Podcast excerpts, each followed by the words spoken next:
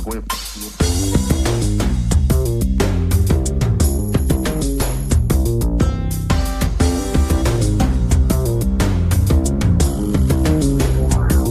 مرحبا يا جماعة شلونكم؟ أخي شوف هذه حلقة طال انتظارها الحقيقة ويعني شو بدنا نحكي؟ شو بدنا نحكي؟ يعني دمار شامل. دمار شامل.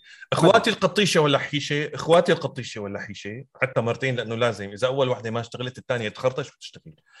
إخواتي القطيشه ولا حيشه هذه هي الحلقة 47 وهذه الحلقة بمناسبة أنه صار لنا سنة بقطف الحش الله!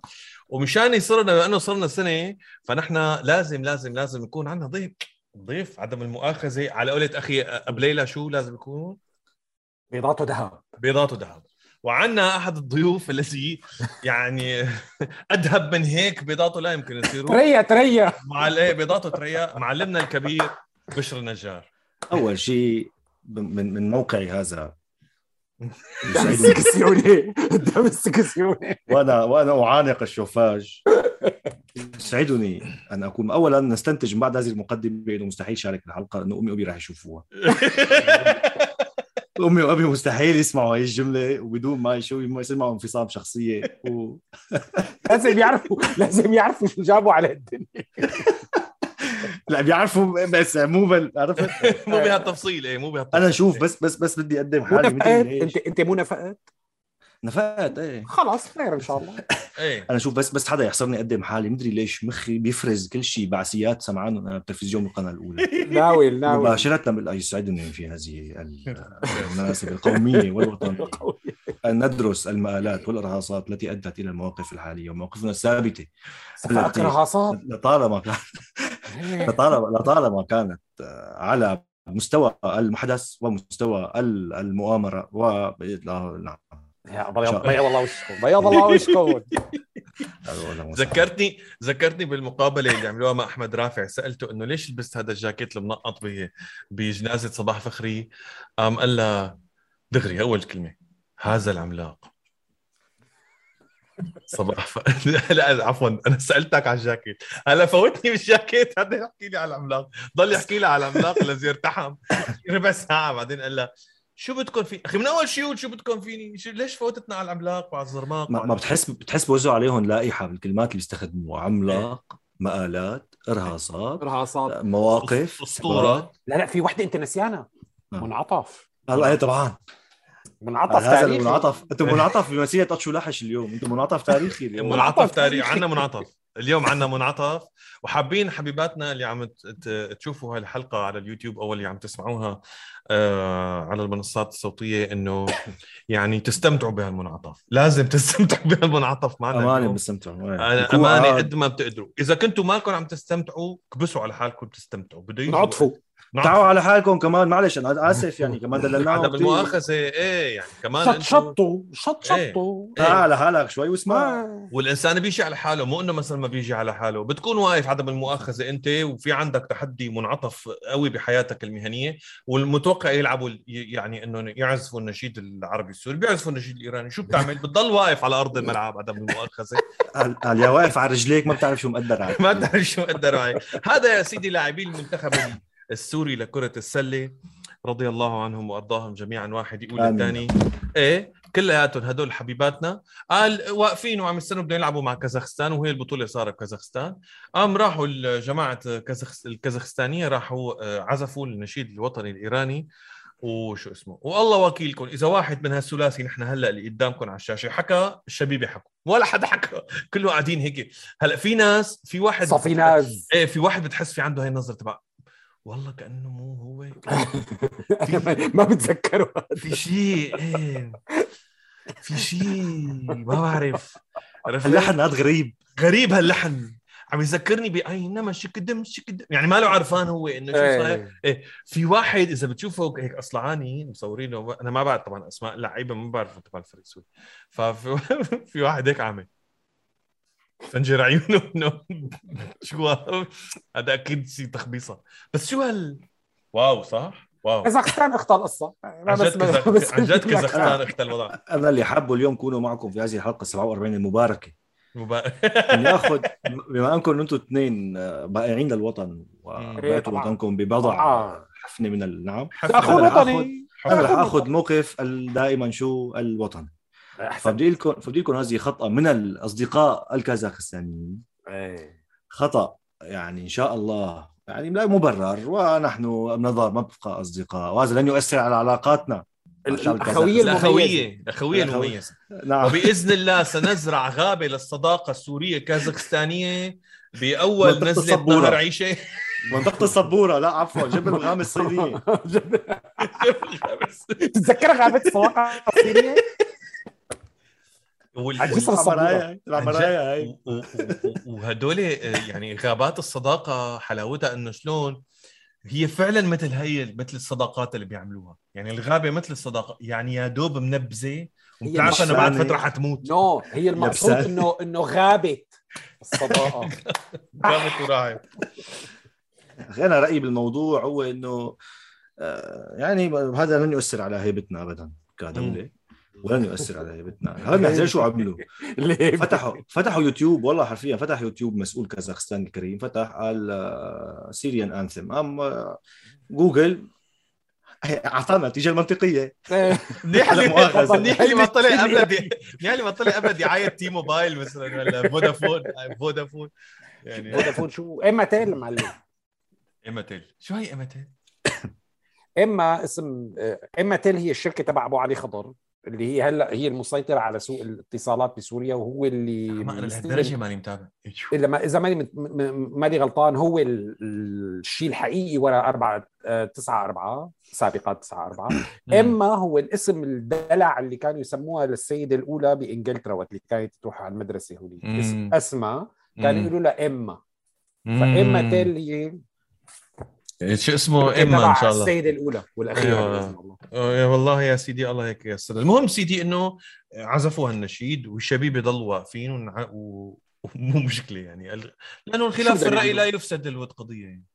بس هن شو بدهم يعملوا؟ يعني هن واقفين. بالنهايه روح إيه، رياضية. إيه إيه بس يعني لا مو إنه شو بدهم يعملوا. هلا أنت فيك تحتج بهذا الوقت. يعني فيك تعترض تقول لحظه لحظة يا جماعة. هن ما عرفوا هن ما عرفوا إذا جبنا أيوه تماما فنحن هون عدم عدم مؤاخذه أستاذ عمار خلينا ما نكون ناخذ إنصاف مواقف. وأنتم عرفتوا إنصاف مواقفكم. اعترضوا ولا ما. اعترضوا؟ وقبضوا 15 مليون عليها.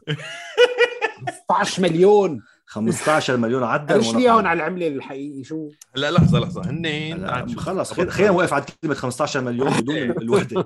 بلا ما نحرج بعض. تعال نقرش هون هذا يا سيدي حط كمام المحاسب هلا فات. شوفوا شو صار. قال شو قال غرموا الاتحاد الكازاخستاني آه نيل من هيبه الدولة. إيه لا مزبوط كلامك. قبضوا شيء بين 18 ل 20 مليون مزبوط. ف 20 مليون. 18 ل 20 مليون تقريبا. أيوه. آه معلم ال- ال- غرموا الاتحاد الكازاخستاني 5000 دولار.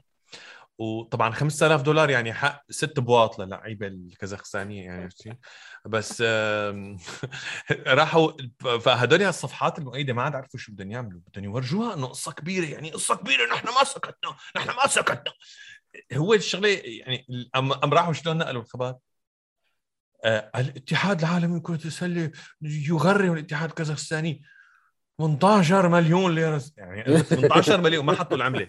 18 مليون ما حطوا العملة. 18 مليون لأنه لعبوا لأنه انعزفوا النشيد الخطأ. كنا ننبعث أنا كنت بزماناتي انبعث كثير من نزير امحى يوم اللي كان رئيس اتحاد السلة. إنه فاشل زلمة ما بيعرف يدير زلمة فاسد زلمة كذا. الله يرحم أيامك يا نزير امحى يعني طريف طريف اطرش خلانا نترحم على أيام نزير امحى طريف قطرش يا زلمة. طريف قطرش يا الله. لك يا زلمة وحياة الله وحياة الله. يعني يعني هيك بلد بهيك ظرف بهيك قيادات بده هيك ناس تستلم هيك وبده والله هيك جت أيام عز اجت أيام عز للسله عنه ولا ما اجت 2005 إيه ما. 2004 5 لما كان وحدة يلعب بين ال... بين ال 2000 بين ال 2000 و 2005 مزبوط. هاي الأيام وعلى فكرة يعني آه لعبوا بكأس كأس الشباب بكندا وعملوا نتائج كثير منيحة. لعيبة حلوين والله. فزنا على الحكمة وفزنا على الرياضي إيه. وأخذنا بطولة غرب آسيا. كان في عنا هذا كان بإس... باستهلال مسيرة ال شو اسمه؟ صدقني في. التطوير التطوير والتحديث. تبع سياده هو صدقني زلة والله مو بقصدهم. يمكن فلت يعني كانوا مركزين مع كرة القدم فلت. يفشلوها فعلاً فلت. وما بخبرك كرة القدم شو كانت ناجحة يعني. يعني. ما بقول لك فلتت منهم. كانوا مركزين على تفشيل كرة القدم. عم- السله العمى. إيه إيه. درنا ف- درنا ظهرنا شوي للسله عم نجحوا. عم نجحوا. لا لا لا جا- تع- تعال لي. بس يا أخي نحن أنا ما عم بفهم شو قصة آسيا معنا؟ يعني نحن كازاخستان أخي عم نقول وبالغلط يا سيدي حطوا النشيد الإيراني بدل مدري شو. بس بالصين معلم هلا هي شغلة كثير جميلة. بالصين الآن هلا في موضة جديدة. في نوع كافيات مقاهي اسمها Syrian style Syrian style ألو بحرة وما بحرة و... لا آه من- شو بحرق بحرق لا إيه لا؟ لا. مهدم ومكسر وفي آثار رصاص على الحيط. وفي أثار انفجار وبتلاقي شغلة متفح- متفحمة على جنب. هذا ال Syrian style صح؟ إنه أنت بتروح على قرنة بيقولوا بالإنجليزي لما بيكون مثلا أولاد النغنغة والعز بي- بيروحوا هيك بيلبسوا ghetto. عرفت كيف؟ وهذا بيقول going to we're going slumming it we're slumming it. إنه عم عم ننزل هيك ل... للأجواء الشعبية. إيه. هدول بالنسبة لهم بالصين إنه بدهم يروحوا على قرنه تكون هيك مدمرة وكذا وإلى آخره Syria style عرفت كيف؟ الحيطان experience experience إيه. تخيل أستاذ صرنا مم. مم. أنا بتعرف شو أنا اللي عم يفلجني صراحة بالموضوع إنه القصة ما أخذت البعد اللي لازم تاخده وما أخذت الاستنكار يلي لازم تاخده. يعني في شغلات أسخف من هيك بكتير. تاخذ صدى بال... بال... حتى عم أقول لك أخي على على على على سوية الش... ال- ال- ال- المجتمع السوري جوا وبرات سوريا. هي القصة ما أخذت الصدى الكافي. أنت بتعرف شو يعني يكون في coffee shop ال style تبعها مثل المدن المهدمة بسوريا؟ معناتها كأنك هلأ حكينا نحن قبل التسجيل. إنه فعلا فعلا كأنك هلأ اليوم عامل coffee shop أخي بنص مثلا نيويورك وأنت عم تقول إنه هي Holocaust Holocaust style عرفت كيف؟ get get your fresh pizza from the the the the gas chambers. Our concentration our concentration camp ovens. Exactly. يعني يعني معقول طيب؟ يعني معقول طيب؟ طبعا نحن مشان مشان يكون كثير disclaimer يعني. نحن عم نقولها استنكارا ما عم نقولها إنه هذا شيء طبعاً. طبيعي. عم نقول قديش هيك شغلة. بتخري. سيئة. هي بتخري مثلها يعني. يعني شو أنا شو هال بيضحكني بيضحكني عدم تعليق وهذا الحكومة هذا الصين. حليف حليفها أنا بيضحكني وعدم تعليق إنه أنا مالي هون. يعني مثلا أنا مو بس عند هي يعني أنت كثير هذيك اليوم صار معي مثل ما بيقولوا صحوة. إنه أنت عم تحكي عن 7000 لاجئ على الحدود البيلاروسية. في منهم مدري كم. ألف سوري. مم. أنت بعد ما صرنا قديش صار أمواج اللجوء؟ أربع خمس سبع سنين هلأ. من تقريباً. ال 12 إيه. كم سوري؟ لك ما ولا مرة حكيت الدولة السورية عن يعني ولا كانوا موجودين ولا كانوا العلاقة. كثير غلطان. أنا مالي هون هي بتنكر. وجودهم هي بتنكر وجودهم ليصلوا على ألمانيا بتحكي عليهم شوي بتصير حكوا حكوا عليهم بالسنة الماضية مثل هلأ السنة الماضية عملوا مؤتمر لإعادة اللاجئين أنت فكر النظام ما عم ما يبذل هو هو شو الفكرة؟ هو شو الفكرة؟ أنت على فكرة على حسب أنا متتبع للخطاب تبعا إيه إنه ما كان في لاجئين ما في حلو حلو شلون عم يسم- يسميها دولة؟ أنا بيعجبني فيه إيه، تفاؤل. إيه. إيه. إيه. إيه فجأة النظام فجأة فجأة يعني أنت على مدى ست سبع سنين عم تقول ما في شيء كله كذب ما في لاجئين كذا بعدين فجأة صرنا نرجعهم. مين بدك ترجع؟ نرجع هدول اللي ما ما طلعوا. إيه. هدول اللي ما لهم وجود بدنا نفس نرجعهم. الشيء. هلأ صاير بالصين فبيعمل هيك عرفت؟ يعني مين- مين أن... لا هو الخفي. ما ما- يعني مو قصدهم ما بعرف حدا التمس التمس لأخيك عذرا. التمس أيوة، إيه. لأخيك الصيني عذرا. يا يا صديقي يا صديقي اليا- قال يا مصفاي ما يعيبك بخواش. إيه. شلون ليش شلون شبنا بالواو والألف شفتها؟ إيه لك أنا أنا طبعا مشان مشان مشان جمهورك لك أخي. آه المشكلة وين يا صديقي؟ المشكلة هي أنا اليوم إذا دولة تانية غير غير غير هي الدولة السورية بين قوسين. إذا أنا شايفة أنا وجمهوري شايفة هالسوريين عم ينخسف فيهم الأرض ببلادهم.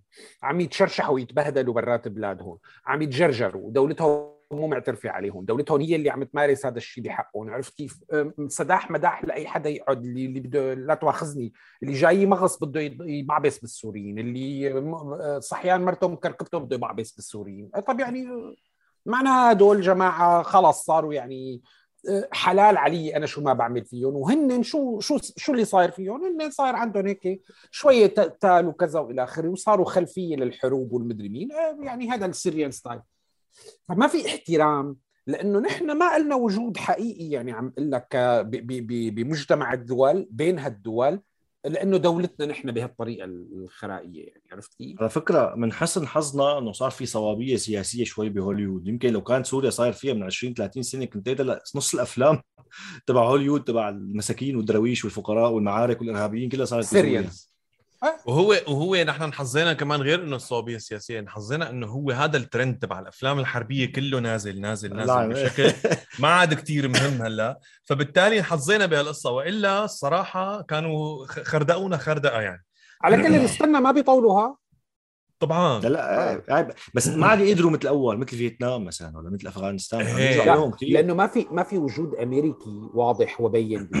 بالقضية السورية طبعا لا. إذا بتسأل إذا بتسأل السيد الرئيس إذا. بتسأل السيد الرئيس في وجود أمريكي واضح وكذا وإلى آخره وبارجه ألمانية مثل ما بتتذكر وهالقصص ولا ما في ياسمين. الزرقاء ياسمين الزرقاء بس ما في ما في ما في وجود أمريكي يبين فلذلك ما في اهتمام برواية القضية من منطلق شخصيات أمريكية على الأرض بسوريا بس عملوا فيلم عن ماري كولفن مثلا.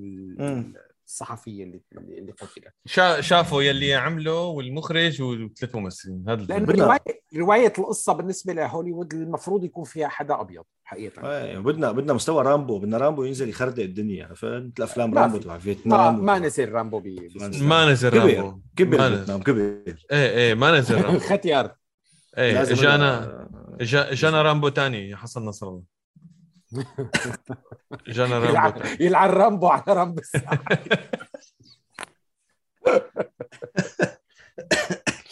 إيه.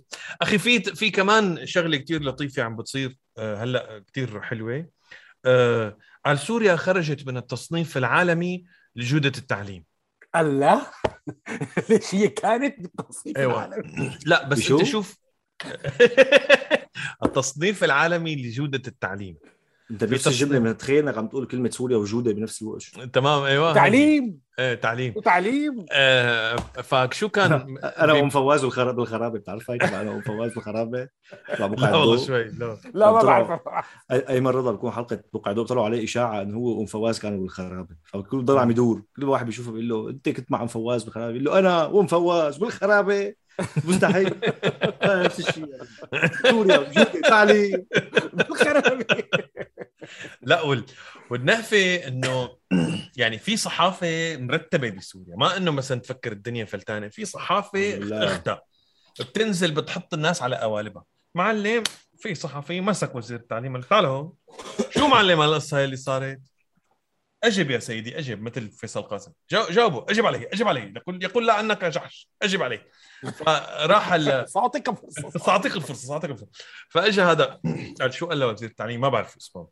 بخشيك ما بعرف اسمه. فقال شو قال, قال شو قال نحن أصلا هذا التصنيف لم ندخله حتى نخرج. الجواب الرسمي لك يا الله هذا الجواب الرسمي. فضفوك إيه. فضفوك يعني والله العظيم. بخن بخن. عن جد. مثل بزماناته مثل بزماناته. نحن عنا على فكرة هي القصة ترند عتيق. يعني بزماناته بزماناته إذا بتتذكروا كان في عنا وزير مالية كان على فكرة من المحترمين يعني علميا وقامي وكذا إلى آخره بس وزير مالية بسوريا أثناء فترة حافظ الاسد اسمه محمد العمادي. إذا بتتذكروا وزير اقتصاد اقتصاد. وزير اقتصاد. وزير اقتصاد ولا إيه، وزير إيه، إيه، محمد العمادي إيه وزير اقتصاد. لأنه كان المهايني وزير الماليه أحسنت وزير اقتصاد إيه. محمد العمادي. ومحمد العمادي بالمناسبة إذا بتتذكر كان في عنده لقوه بوشه. ماني بتذكر كثير لا والله. بتذكره اشقراني هو هيك وش... طبعا اختيار كبير كان لأنه شحطوه شحطوه من مكتبه جماعة الدولة جماعة حزب البعث. ففلجوه. بعدين. جابوا حافظ الأسد ورجعوا وزير. رجع حافظ اسد إيه رجعه بآخر المهم ضل وزير اقتصاد مزمن. بسنة ال 98 صارت أزمة النمور ال- الآسيويين إذا بتتذكر. وانهارت أسعار الصرف بماليزيا وإندونيسيا وكذا والى. سنغافورة. فطلع طلع محمد العمادي عم يسألوه إنه يعني ما وضع الأزمة وكذا إلى آخره. قال له الاقتصاد السوري متين ولا ولا ولا يتأثر نهائيا بهذه الأزمة. هذا الحكي بسنه 98 وأنا ما كنت لسه وين عارفه وين الله حاططني. قلت له طبعا ما هن الوقت اللي كانوا عم يطالعوا مليارات الدولارات كمان نحن ما تأثرنا ما دخلنا يعني. إيه إحنا برات التصنيف كله. أنا وين سمعان الجملة. الجملة. أنا وين سمعان الجملة إنه أنا مالي علاقة؟ وأنا ما بس نحن ما بصير عندنا نفس الشغلات. نحن اللي عم يصير بالدول المجاورة ما بيصير عندنا لا يمكن أن؟ يحصل. إيه إيه. صايرة من قبل ما كأنه وين؟ في صايرة. حدا قايله ما؟ إيه. وفي دائما هي العبارة سوريا ليست مصر سوريا ليست ليبيا. في واحد. جحش في واحد جحش بزماناته قال للول ستريت جورنال. إيه، شهر واحد أو اثنين 2011 قبل ما تقوم الثورة بسوريا. إيه. مين مين يا ترى بيقرط؟ بالسين شيء بيقرط بالسين يمكن يمكن فورة زرق. خلاص يا شباب أنتوا فورة، بقى أي فورة. خلينا إيه. بقى قاعدين بعرض الفنادق. شو اسمه الفندق اللي قاعد فيه انت يا أخي عم أنا بالريكسوس أنا في مكيف ورا راسي ها يعني إيه. أنا بس هو كبير إن. كبير لدرجة الخلفية تبعها كلها وسعانه بواحد من الفتحات هدول تبع المكيف ما لنا شايفين كمالته كله أنا بالبخشيري إن. عندي شو مفاجأة. كثير. دافع مدفوع الحمد لله. يعني النبي ما شاء الله. كثير. بعدين إحنا حلوة عنا بهاي بالنظام هي الشغلة تبع بدك تلغي. عرفت؟ يعني هذا الزلمة قال لهم شو؟ شو هي ال... شو هذا تبع جوده التعليم؟ بدي شو؟ نحن لا فتنا؟ فيها ولا طلعنا فيها. شو التصنيف الخرا؟ مثل بزمانه ولا شايفينه ولا قارينه. مثل بزمانه آه، شو اسمه شيل هذا؟ أوروبا من على الخريطة. إيه إيه تبع ايمو محيناها من على الخارطه شو اسمه؟ الله يرحمه جحش وليد المعلم. وليد المعلم وليد المعلم. وليد المعلم هو الإنسان الوحيد اللي لما اجى أزر- اسرائيل ليقبض روحه. قال الحمد لله بدي اقبض روحه ما بدي أحمله.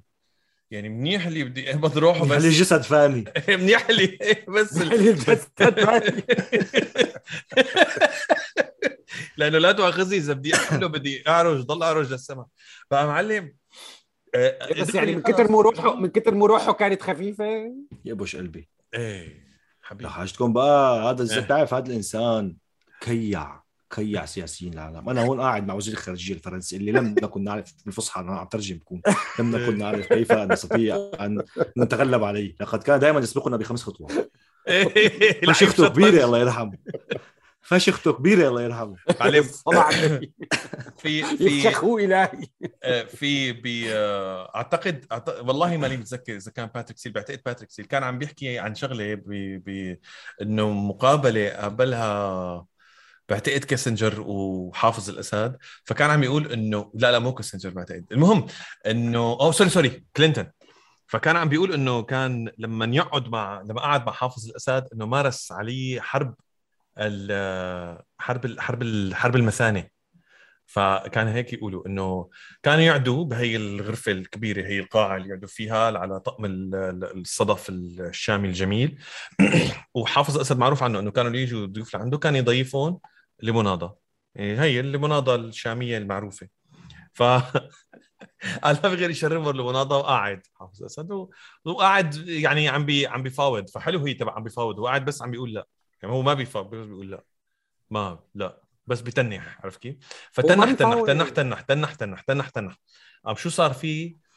آه... sorry sorry مو بيل كلينتون بيكر جيمس بيكر اللي هو كان جيمس بيكر. جيمس بيكر اللي كان وزير خارجية فوصل لمرحلة إنه عفوا يعني بدي اقاطعك بين آخر ثلاث شخ. دقائق بدي أقوم شخ بدي أقوم شخ سيد الرئيس يعني وعدم مؤاخذة شخاختي مفيدة للكون أكثر منك لأنك أنت ما عم تقول لي لا لا يعني أنا في مجال فيد هال- هالكون بشي فرفورة. أنسى زركت أنسى.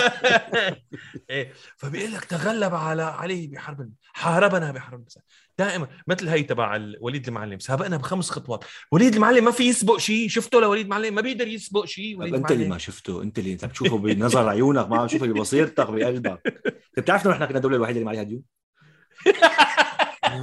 حلوة كثير إيه. انت بتعرف انه إحنا الدولة الوحيدة اللي فزنا بدوره المتوسط 87 إحنا الدولة الوحيدة اللي الوحيدة. فزنا بدوره المتوسط 87 نحن. إيه. ما في غيرنا في إحنا. هذا ال 87 ما في غيرنا. بدوره المتوسط تحديدا. إيه. ما في غيرنا. أنا حضران. اللعبة. أنا حضران اللعبة. شو عتيق. مبسوط.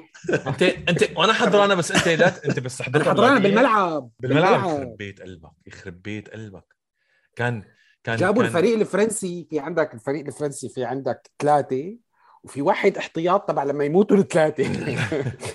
الاحتياط تبع هاد جابوا نحن لهلا بتذكر لعيبة الفريق فريق السوري يدقون معلم منطقة الرون يعني عن جد ال... ال... الفريق السوري يدقون معلم الكردغلي وما الكردغلي والمدري شو كله نازل. محمد جقلان معلم جقلان. محمد جقلان. كان يجقله للواحد فيهم آه. آه كان عندنا فريق كرة قدم بهديك الأيام. والله يجعله فريق أظ- كرة قدم مناظرهم بت... بترعب. مناظرهم حكيت بترعب. لكم حكيت لكم مرة لما ضليت فترة شي مدري سبعة ثمان سنين 10 سنين مالي شايف ابدا أي شيء له علاقة بالدوري السوري. مم. شايف أبطال إسباني إنجليزي كذا. فبعد فترة طويلة مدري شو خطر لي إنه فتت شفت شقفت مباراة سورية بالدوري السوري. وجعني وجعوني عيوني والله العظيم. أول شيء وجعوني عيوني إنه الدقة 144 بكسل. هدول هن. وفي, وفي ونه بالخلفية. قالوا له لك عرسه شط لك عرسه لك غراء عندهم منه إيه يا العطية إيه عطية هيك اللي عم بيجي. باصيلو باصيلو بعدين بتحس إنه ببوس رجلك لعب شوط بقى هيك بتقول له اللاعب مشان الله بسرعة مشان الله قوة مشان الله اعمل أي شيء أي شيء بس يعني تحرك فانت هون بصيبك لق- لقوة بال- بال- بالفص اليساري من دماغك تبع إنه بس روح وحاجه يتفرج مم. نزعتك هذا. سببه بتعرف شو هذا سببه إنه رجعوا. عشب طبيعي عشب طبيعي. لما كان. ملعب العباسيين ترتان كان ترتان ترتان هيك وجهي إيه. شوي كيف زمان إيه أختي عصا اختراع اختراع التيكي تاكا لا تفكروا إنه بيب جوارديولا ترتان ملعب العباسيين هو المسؤول عن التيكي تاكا لأنه السرعه إجت من عنا نحن نحن يا سيدي وجهي نحن شويكي. وجيه شويكي بزماناته مره قاعد أنا مع خلص ياسر علي ديب عرفت كيف؟ إيه. مرة قاعدين مع ياسر علي ديب على فكرة شخص جدا محترم أنا أنا بحبه كثير لياسر علي ديب. من أكثر الناس ظريف. ظريف يا سعدي إيه ظريف آه، كلهم ظراف إحنا ما بدنا ننتقدهم كأشخاص يعني لا إيه. سألته سألته مرة قلت له- بشرفك بشرفك أنت وعدنان بوزو مو كنتوا جايبين وجيه شويكي لتقفلوا عليه صار يضحك سكت غير الحديث يا زلمة أنا اللي كان يفلجني يعني عدنان بوزو صراحة كان زلمة ك... يعني عنده كاريزما وتعليقه هيك حلو وعاطفي وهيك عرفت شلون. كان يعني إيه ياسر علي ديب كان لذيذ وظريف ومرح. وجيه شويكي. هذا شويكي وبشور جوزيف بشور. جوزيف بشور لا لا لا لا لا لا لا لا لا لا لا برفض نرفض نحن نموت. أنا ب... أنا ما بقبل هالكلام ما بقبل هالكلام. وجيه شويكي هو المعلق الأكثر جمالا سكاسة. بالتاريخ. سك... سكاسة سكاسة. بتذكر بسنة ال 94 عمار؟ أنت ما بتذكر طبعا لأنه شو كان عمرك؟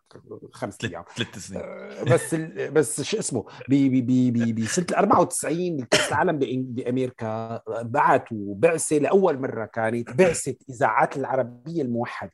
إيه إيه إيه لكن لكن لكن لكن لكن إيه طبعا. قد- قدم لجوء هنيك وقتها. لا لا لا لا. يا ريت. يا ريت خلصنا منه. يا سيدي وكرروها sorry بتضل مفكر فيها. بال 98 بال 98 بال 94 اظني عدنان بوزو اللي طلع إذا ماني إيه. غلطان بس بال 98 بفرنسا بفرنسا كان وجيه شوي. وجيه شويكي معهم تمام؟ فوجيه جد. شويكي علق أول مباراة طبعا من كتر التعليق ما كان كارثي. قاموا قالوا له معلش يعطيك العافية. صار دائما بفرنسا عرفت شلون؟ صار شو يعمل؟ صار يعمل هدول ال segment ات تبع اللي قبل المباراة يوقف مثلا مع. ال hot dog stand عمل تقرير والفرنسي والفرنسي- قبل والفرنسي تبعه كله أخذه من أغنية نعيم وحدي آه، نعيم حمدي تبع ريلي ويلكم ترولي ويلكم هذا اول. اور براذرز معلم فرنسي وهذا تبع تبع السوسيس هذا عم يطلع في اللي عن دينك انت مين انت شو انت من وين جاي انت من عن وين؟ جد انت من أي جاي ومن أي بلاد وجيه وجيه شويكي كان وجيه شويكي عظيم. عظيم وجيه شويكي هذا بعدين على. فكرة فروسية وجيه شويكي آه آه ريشة طائرة وجيه شويكي آه، بتعرف وجيه إيش تحبهم؟ من فرع التوجيه المعنوي بيجوا بيحكوا هدول ما بيحكوا إيه. اذاعه رياضيه فرع توجيه إيه. وهذا إيه. اعزائي المشاهدين آه، رغم مواقفنا الثابتة طبعا. هيك بيجي حتى إذا تعليقه تعليقه بيجي تبع آه، عرضية تعلو القائد بقليل. يعني بتحس إيه. ما في ممنوع ما تحكي فصحى ممنوع إيه يعني لازم لازم. الهدف الثالث الهدف إيه. الثالث. إيه الثالث الثالث. ودائما في حلو يا حلو. وقت اللي إذا واحد منهم طلع واحدة من هدول تتذكروا محمد يعني. إيه عبد اللطيف الحلو. عبد اللطيف حلو. حلو يا حلو. حلوين شبابنا اليوم. إيه حلوين شبابنا اليوم. هي تبع تبع الله يرحمه أبو لؤي. عدنان عدنان بوزو عدنان بوزو هي عدنان بوزو. حلوين شبابنا اليوم. حلوين شبابنا. هم أبطال أمريكا ونحن ونحن أبطال. وهدف للبرازيل. وهذا كل ما يعيد الجيل المسكين ننخبئ جول. كل ما يعيدها ننخبئ جول. لحتى تخربقنا خربقة. 6 تبع 6 0 هي تبع 6 0 يخرب بيتها المباراة. عار كانت عار. 6 0 ولا أكثر 7 8 لا لا 6 6 0 آه، لا هذيك السعودية هذيك ألمانيا السعودية 8 0 هذيك كانت. يا ويلي. لا. تقولنا على الثمانية يا شباب. قلنا لكم أنا برشلوني رقم ثمانية بيزعجني الله يرضى عن عليك جد؟ إيه ما لازم. حرام حرام هلا. والله وضعك بي- بي- بينبكى إيه. إيه إيه إيه.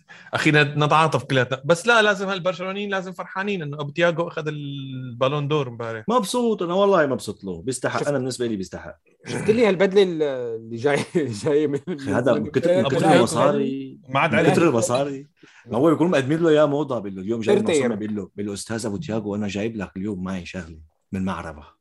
ما حدا لابسها قبل منك. ما حدا لابسها. لا، ماشي مع ابو خليل. على الياس يا أبو الياس. قصص لك اياها قص فبيقول له شو هي معربة؟ بيقول له يخرب بيتك. شو شغلة إنه شو. معربة؟ هي هي بتجي جنب بيروت دغري.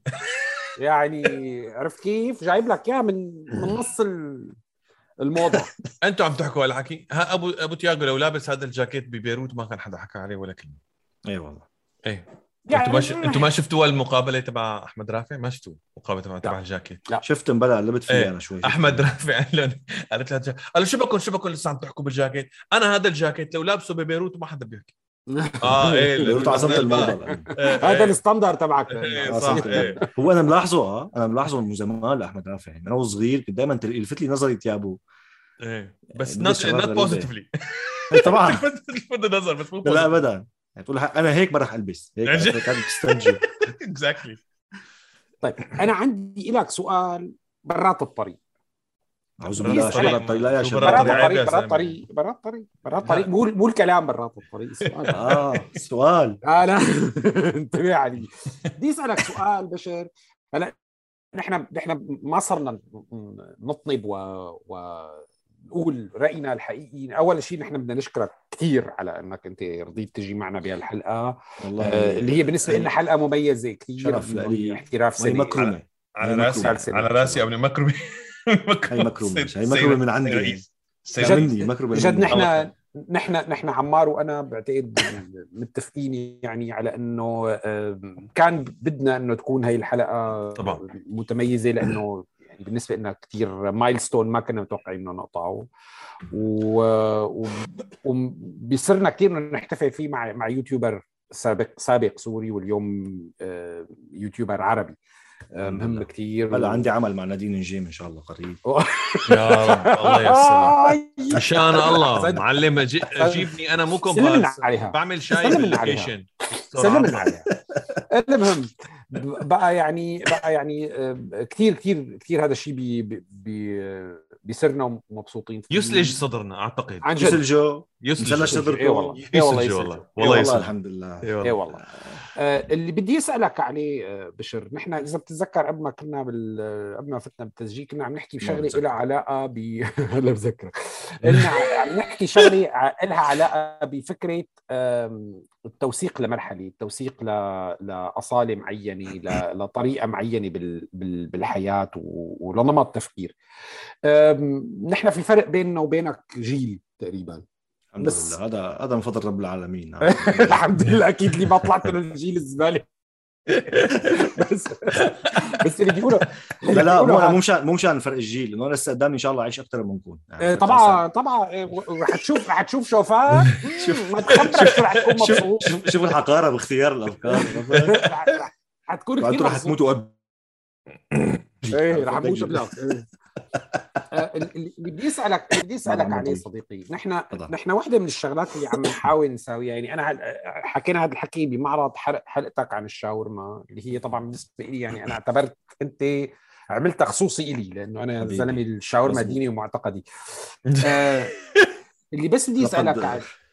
بس بدي أسألك عليه أنت آه، آه، أنت بشكل عام عم تتناول قضايا يعني أنت وعمر عم تتناولوا قضايا لها علاقة بالمفاهيم السياسية بالهذا وإسقاطها على على أحداث معينة استخدام هالأحداث وسيلة لإنكم تناقشوا مبادئ وقضايا سياسية مهمة آه، لتعملوا نوع من أنواع خلينا نقول التوعية بطريقة ما آه، للجمهور بطريقة مبسطة بدون ما تحكوا على من فوق آه، لتحت عم تحكوا معه على على مستوى النظر بطريقة مفهومة وميسرة وبدون استسخاف وتسليم آه، ولكن بنفس الوقت أيضا أنا اللي فهمته منك وهذا اللي أنا استشفيته وحابك تشرحه شوي.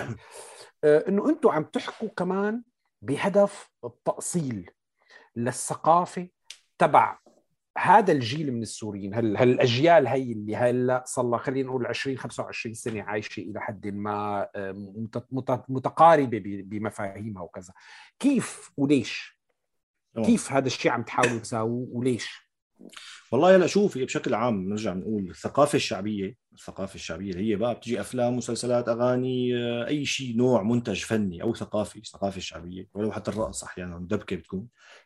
هي عم تعكس هويتك مم. يعني حتى لما بدهم يعملوا دولة دولة أمة مثل ما بيسموها أو دولة قومية nation state؟ بيروحوا أول شيء بيدوروا لك على شو على شيء بطل قومي على موسيقى مث. قومية على تمام على مث على أسطورة على دبكة على اللي هو فهذا ما عم نفوت لهالدرجة نحن مو هذا الهدف لهالدرجة. نحن في عندنا مشكلة بسوريا إنه إنتاج الثقافة الشعبية بسوريا ينقسم إلى له مشكلتين.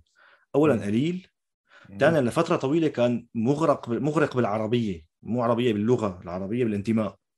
صح. أنا زلمه عربي أنا أفتخر إني عربي الله. يعني اذا اذا عملنا دي إن اي وتاكدت إني عربي يعني أنا كنت هيك وكنت هيك أنا بحب العروبة وبحب العرب بحب التاريخ العربي بس هذا لا يعني إنه أنا أستبدل الهوية يعني هلا حاليا عم نستبدل نحن الهوية العربية ونستبدل الهوية السورية بهوية عائمة مو واضحة. يعني أنت مثلا بمصر أو بلبنان بتروح أو بالعراق حتى هلأ. تروح بيقول لك الأغنية العراقية الفن العراقي التاريخ العراقي التاريخ اللبناني مصر كذا كان عندنا ضياع يعني أنت سألتك عدل اعطيني أغنية سورية شو بتقول لي؟ آه، أنا بقول لك عندي عندي ملحن واحد أفرز أغنية سورية بكل ما صنعه اللي هو عبد الفتاح سكر طب بس يعني أنت عم تحكي عن واحد نحن بنحكي عن بس. مدرسه قصدي ما في مدرسه مدرسة. قدود. حلبية لا يوجد. ممكن تقول ماشي قدود حلبية عم عن حلبية بس هذا تراث بس أنا عم بحكي عن 70 و80 وطالع عرفت؟ لا 60 لا 70 لا 80 يوجد وطالع لا يوجد طلع شوية محاولات لإنتاج ثقافة سورية ثقافة شعبية بالدراما السورية وكانت أحيانا. موفقة ما راح نذكر بس شو. مشكلتنا نحن خصوصا بالشام أنا بالنسبة لي هلأ أول شيء نقول للمشاهدين اللي عم يتفرجوا مرحبا أصدقائي المشاهدين أنا بحب كل سوريا كل ملي متر بسوريا بس أنا شامي فبالتالي أي شيء بحكيه ثاني عن غير إرني بحكي عنه بحكي عنه بس ما بحكي باسمه لما بدي أحكي لباقي السوريين أنا ما ز- مو ظابط أجي احكي ب يعني بلسان حال أهل لاذقيه أو إيه، حلب أو- تماما. يعني بيطلع مصطنع يعني بيقول مثلا في ناس بيقولوا ليش عم تحكي شامي أنت؟ يعني أنا شو بدك أحكي؟ أعطيني يعني فهمني شو لا يعني شو شو ساوي يعني شو عم بحالي يعني؟ هيك بحكي مع أمي هيك بحكي مع أبي هيك بحكي مع عائلتي هيك بحكي مع مرتي وابني شو ساوي؟ أنا ابني اللي هون بفرنسا بحاكيه شامي. شو بدي ساوي؟ يعني وهيك. لغتي ولهجتي هي واحد. اثنين أنا بحب الشام. أنا زلمه بحب الشام. آه فبدي أصلها بدي أعطيها هويتها ولا الحمد لله أنا صرت على منصه عربيه إذا ما أنا اللي عملت هيك مين بده يعمل هيك؟ أنا شايف لك إياها هلا. إنه ما حدا عم يعني سوريا صارت مختصرة مثل ما قلنا قبل شوي حرب. وإذا قلنا على الثقافة الشعبية مختصرة بذوبان بهويات تانية. حطيتها بوست على الفيسبوك هذيك اليوم. نحن عم ندوب بهويات تانية. يعني بيقول لك إنه ما في أحلى من المصريين. بدنا نسمع مصري نروح مصري وكذا. وأنا أعشق مصر والثقافة الشعبية المصرية. أعشق أسمعها واتعرف عليها وأنا على فكرة يعني ضليع بالنكته المصرية بفهمها ما عندي مشكلة ابدا وما لها ثقيله على اذني ابدا. طبعا. أو عم ندوب بالثقافة الشعبية العراقية هلأ هي كثير موضه جديدة آخر ثلاث أربع سنين. الثقافة الشعبية اللبنانية الهوية اللبنانية أصلا هي ضايعة فما خلص بتتذكر كله ف... كله فايت إيه. فترة من الفترات بدك تصير أنت أرقى أو بدك تصير أنت لك هيك لك. وزنك تحكي لبناني. مثل أحمد رافع بده يلبس جاكيت ببيروت. فشو الفكرة؟ أنا بالنسبة لي حلقة الشاورما. في كثير ناس قالوا لنا يا أخي أنت حلقة الشاورما ما فيها معلومات هي ضعيفة كذا. أنا في من وراها هاي القصة. إيه انه إنه ما فيها هيك هلأ معلومات. الحلقة اللي أنت عامل فيها تاصيل لموضوع قديش ايمت وين طلعت الشاورما بالأول؟ شو معنات كلمة شافرمي؟ منين جاي هذا الم- المنطق وهذا هذا كله بده معلومات معلومات اتقل أنا معهم أخي. أنا بدي معلومات اتقل بس مين قال إنه لازم اولا دائما نعمل شيء دسم دائما ثقيل وحتى. لو اللي عنده حرص على المعلومة أنا بحترمه. بس يا أخي في غايات تانية أنا عم أصل لهوية ضايعة. مين مين؟ أعطيني صانع محتوى سوري شامي بيحكي ب- إن شاء الله نكون عم نحكي بحيادية تجاه باقي المناطق يعني بدون فوقيه على باقي المناطق. طبعا. وعم نحكي باسم الشام وسوريا وفوت يعني أنا مين؟ أعطيني واحد قبلي قال بالرقراق مم. مم. عرفت؟ ما في أعطيني واحد قبلي جايب سيرة صديق الخباز. أنا مو مو وليس فخرا أعوذ بالله يعني أنا ليست فخر وليس غرورا. أنا انه عندي رسالة بعيدة المدى إنه يا أخي أنا هي الهوية عم تضيع. أنا مثلا لما بتفرج على مسلسل سوري بالتسعينات بلاقي في هوية عم تروح في شيء عم صح تضيع صح صح موجود. صح صح. عم يتحول لشيء هجين هو عبارة عن منتج مفرزات قيحية من الحرب على مفرزات قيحية من من من من, التشوه اللي صار بال تماماً. 40 50 سنة الماضيه إيه يعني حتى المصطلحات الشباب اللي بتسمعها هلأ عم يحكوها بس عم بحكي شباب أنا وكاني صرت كبير بس عن جد مصطلحات الشباب اللي هلأ آخر طعشات أول عشرينات بالشام آه، ما حلوة. يعني ما عم لك إنه أنا دائما هذا ما عم أحكي عن فرق الجيل تبع بيقول لك إنه الصغار بيجوا دائما هيك فرافير وبايخين وغلاظ ونحن الله ايامنا لا لا لا عم أحكي عن مفرزات آه، حرب ومفرزات عنيفة وما لها أي هوية. يعني أنت عم تضيع عم تضيع عم تضيع هويتك وبالتالي أنا هدفي من البرنامج أو أحد أهداف البرنامج غير التوعية والتثقيف والوعي السياسي والتاريخي والاجتماعي. هو هدف يا أخي إنه لا تخجل بهويتك. صحيح نحن مهزومين ونحن مبهدلين نحن في قاع يعني حضاريا بالقاع حاليا. بس هذا لا يعني إنك تروح تتمسك بشوية هويات أجنبية أو عربيه ثانية احترمها وتعلم منها. بس يا أخي اطلع بشيء أنت منتج تبعك. في فرق بين إنك أنت يكون عندك تمثل بتجربة وتستفيد منها وبين يعني لازم يكون في عندك اسس مكونات أساسية لبنات بناء بلوكات مفرقة هلا مكسر بعضها بدها ترميم إلى آخره بس لازم يكون في عندك مادة أولية تبني هذا البيت الجديد اللي بدك تطلع فيه. هذا البيت اللي نحن كنا فيه اللي هو سوريا اللي نحن طلعنا منها الشام اللي نحن بنعرفها كذا إلى آخره انتهت وإلى غير رجعة.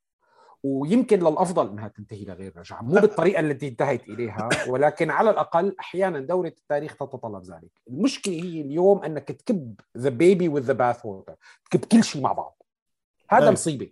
يجب التأصيل. أنا أنا أنا برأيي هذا ما بعرف إذا بتوافقني فيه. ولذلك أنا بحترم هال هال هالنظرة وبحترم هذا المشروع اللي أنتم عم تعملوه. واللي جزء منه عم نحاول نساويه بطريقة مختلفة إلى حد ما آه، عمار وأنا كل واحد بفهم. هذا هو غزارة الإنتاج. لازم نغزو الدنيا. المستوى السوري نغزوه محتوى سوري سوري وليس موجه يعني وجهه إلى الداخل وليس وجهه إلى الخارج.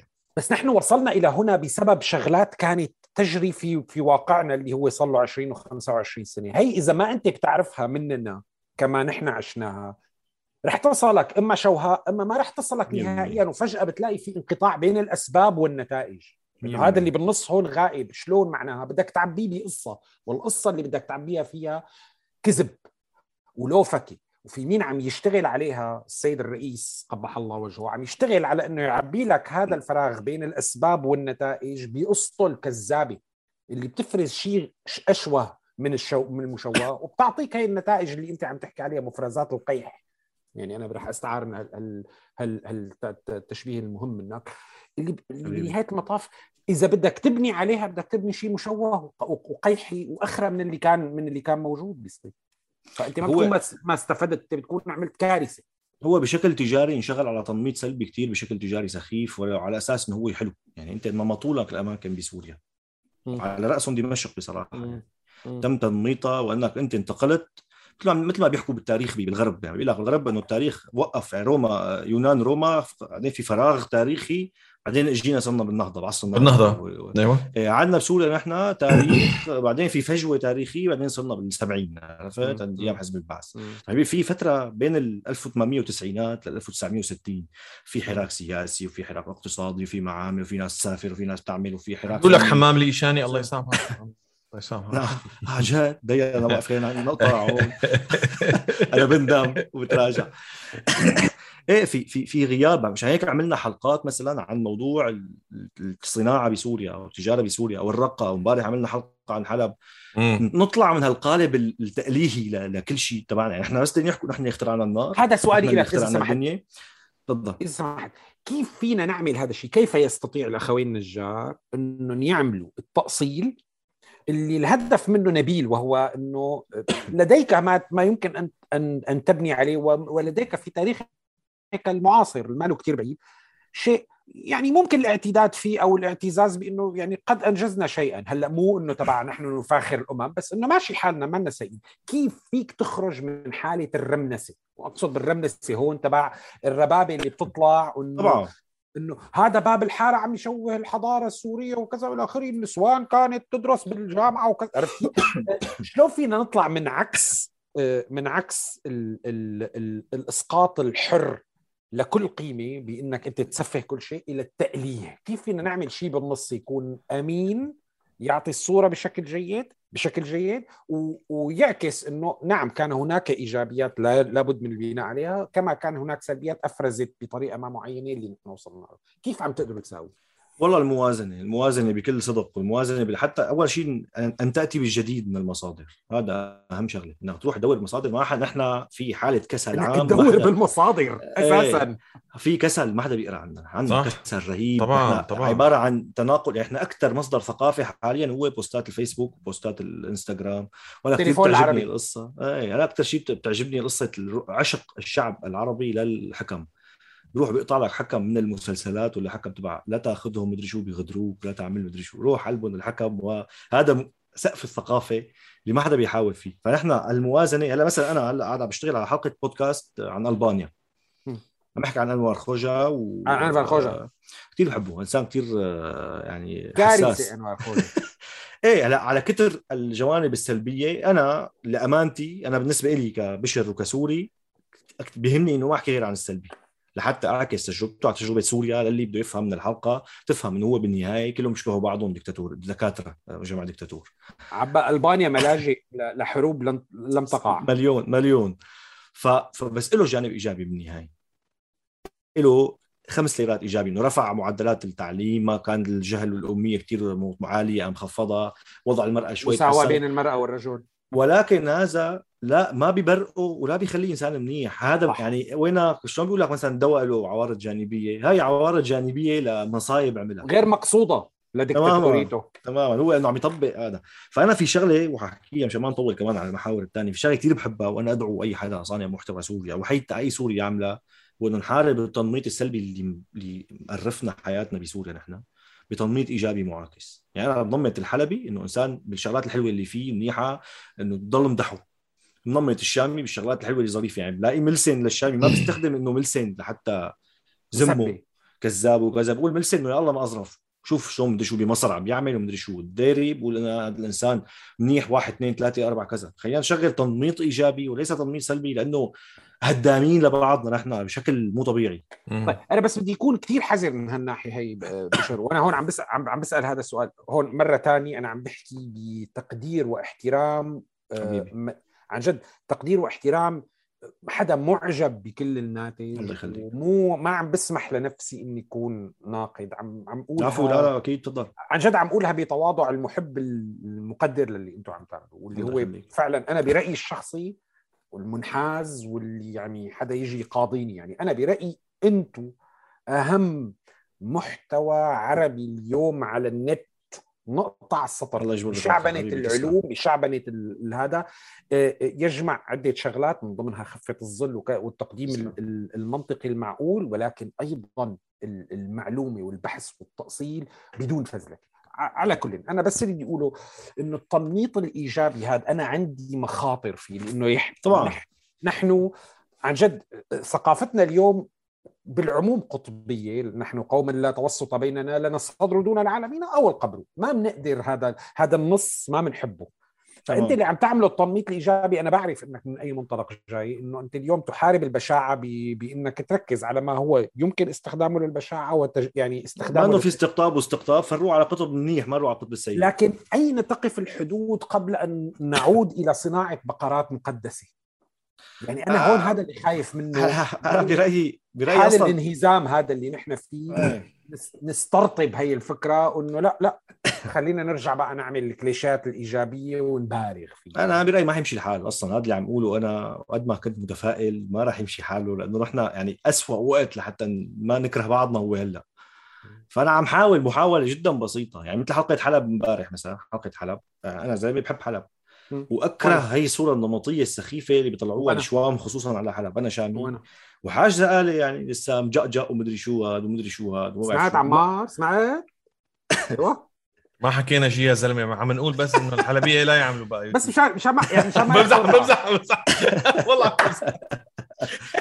هلا بيفكروني بيستلموني. إيه مهم لا لا لا على شوف أخي المزح المزح والتقفيل. أنا بمسك رفيقي الحلبي بقعد بمسح فيه الأراضي وبمسح فيني الأراضي. هذا عادي. والنقد النقد الفني من حق بس لما عم. نحكي جد عم نحكي جد. يعني عم نحكي جد ومو مو نقد فني. ما عم نحكي نقد فني. نقد فني مسك مين ما بدك يعني مسك من أحسن. ممثل بالدنيا لحقك مية. تنقد مليون مية بس بس هي الفكرة تبع إنه الشامي كذاب والشامي بدلك غلط والشامي ما بعرف شو والحلبي غليظ ودمه ثقيل والحلبي مدري شو الحلبي لك يا أخي خلاص يعني خلاص هلا قد. قد يكون مثل ما الحلبي صوته أحلى من صوت الشامي قد يكون تمثيل الشامي أحسن من التمثيل الحلبي. قد يكون. ما فينا نقيم إنه ما بنعرف. ما عندنا كل الادوات والأرقام لنقيم ما فتحنا معهد عالي للتمثيل وبعدين كثير حالات بنتأكد. شخصي يعني هي, كثير هي شخصية يعني بتعود للشخص. بذاته. فصعب يعني إنك تحصرها بالمية. إيه. حلب في مدرسة غنائية طويلة ال- يعني تاريخها قديم في ارث في ارث يعني في accumulative experience يعني ما ما فيك. خلينا نروح نفتح نحن مدرسة غنائية بالشام ونشوف هل بينفع ولا لا وقتها بنقرر أو نفتح معهد عالي للفنون المسرحية بحلب كمان ويكون وزنه مهم وثقيل و- وبيتدرس بطريقة محترفة وقتها بنقرر إذا هن بيطلع بايدهم ولا ما بيطلع بايدهم لأنه نحن بالنهاية آسف طولت أنا بالنهاية ليش. كثير بنشوف صناع محتوى حلبيين ليش كثير بنشوف صناع محتوى لأنه أكثر شيء هاجر من سوريا حلبيين ومن ريف حلب أكثر مناطق تدمرت. و...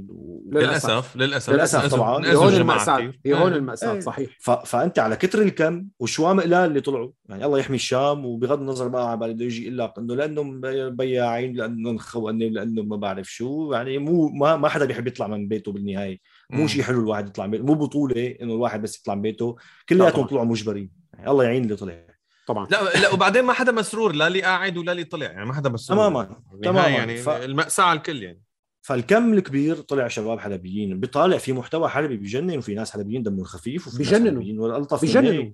وكانوا مطمورين للأسف. طبعا كالعادة. فهذا هو بصراحة يعني أنا ب... هذا من نعطي تنميط إيجابي إنه ألقي الضوء على المحتوى المنيح وحاجة تلقي الضوء على المستوى السيء. نحن بنعمل تسويق سلبي رهيب يا رجل نحن على السوشيال ميديا. بنعمل تسويق سلبي رهيب كمان. طب عندي سؤال لك. عمارو أنا قبل- آسف جدا أنا آسف جدا. مو مشكلة. لا بس sorry بس أحكي بس شغلة صغيرة على هذا الموضوع تفضل تفضل. يا ريت يا ريت يا ريت.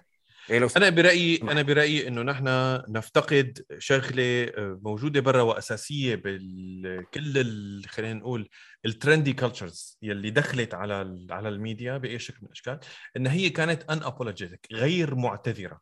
يعني ال ال ال Italian Americans مثلا أو ال أو ال اليهود تبع نيويورك لما دخلوا على الميديا وصاروا صاروا صاروا ترند محببة صار شغلة لذيذة في قدموا صورة للمجتمع غنية بالبشع وبالحلو فيها كانوا غير معتذرين من حقيقتهم ومن طبيعتهم وطلعوا حكوها مثل ما هي.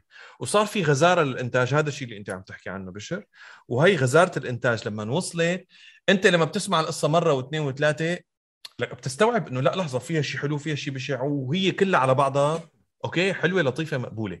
هلأ نحن اللي عم بيصير عنا مثل ما أنت حكيت. نحن دائما ابولوجيتك دائما.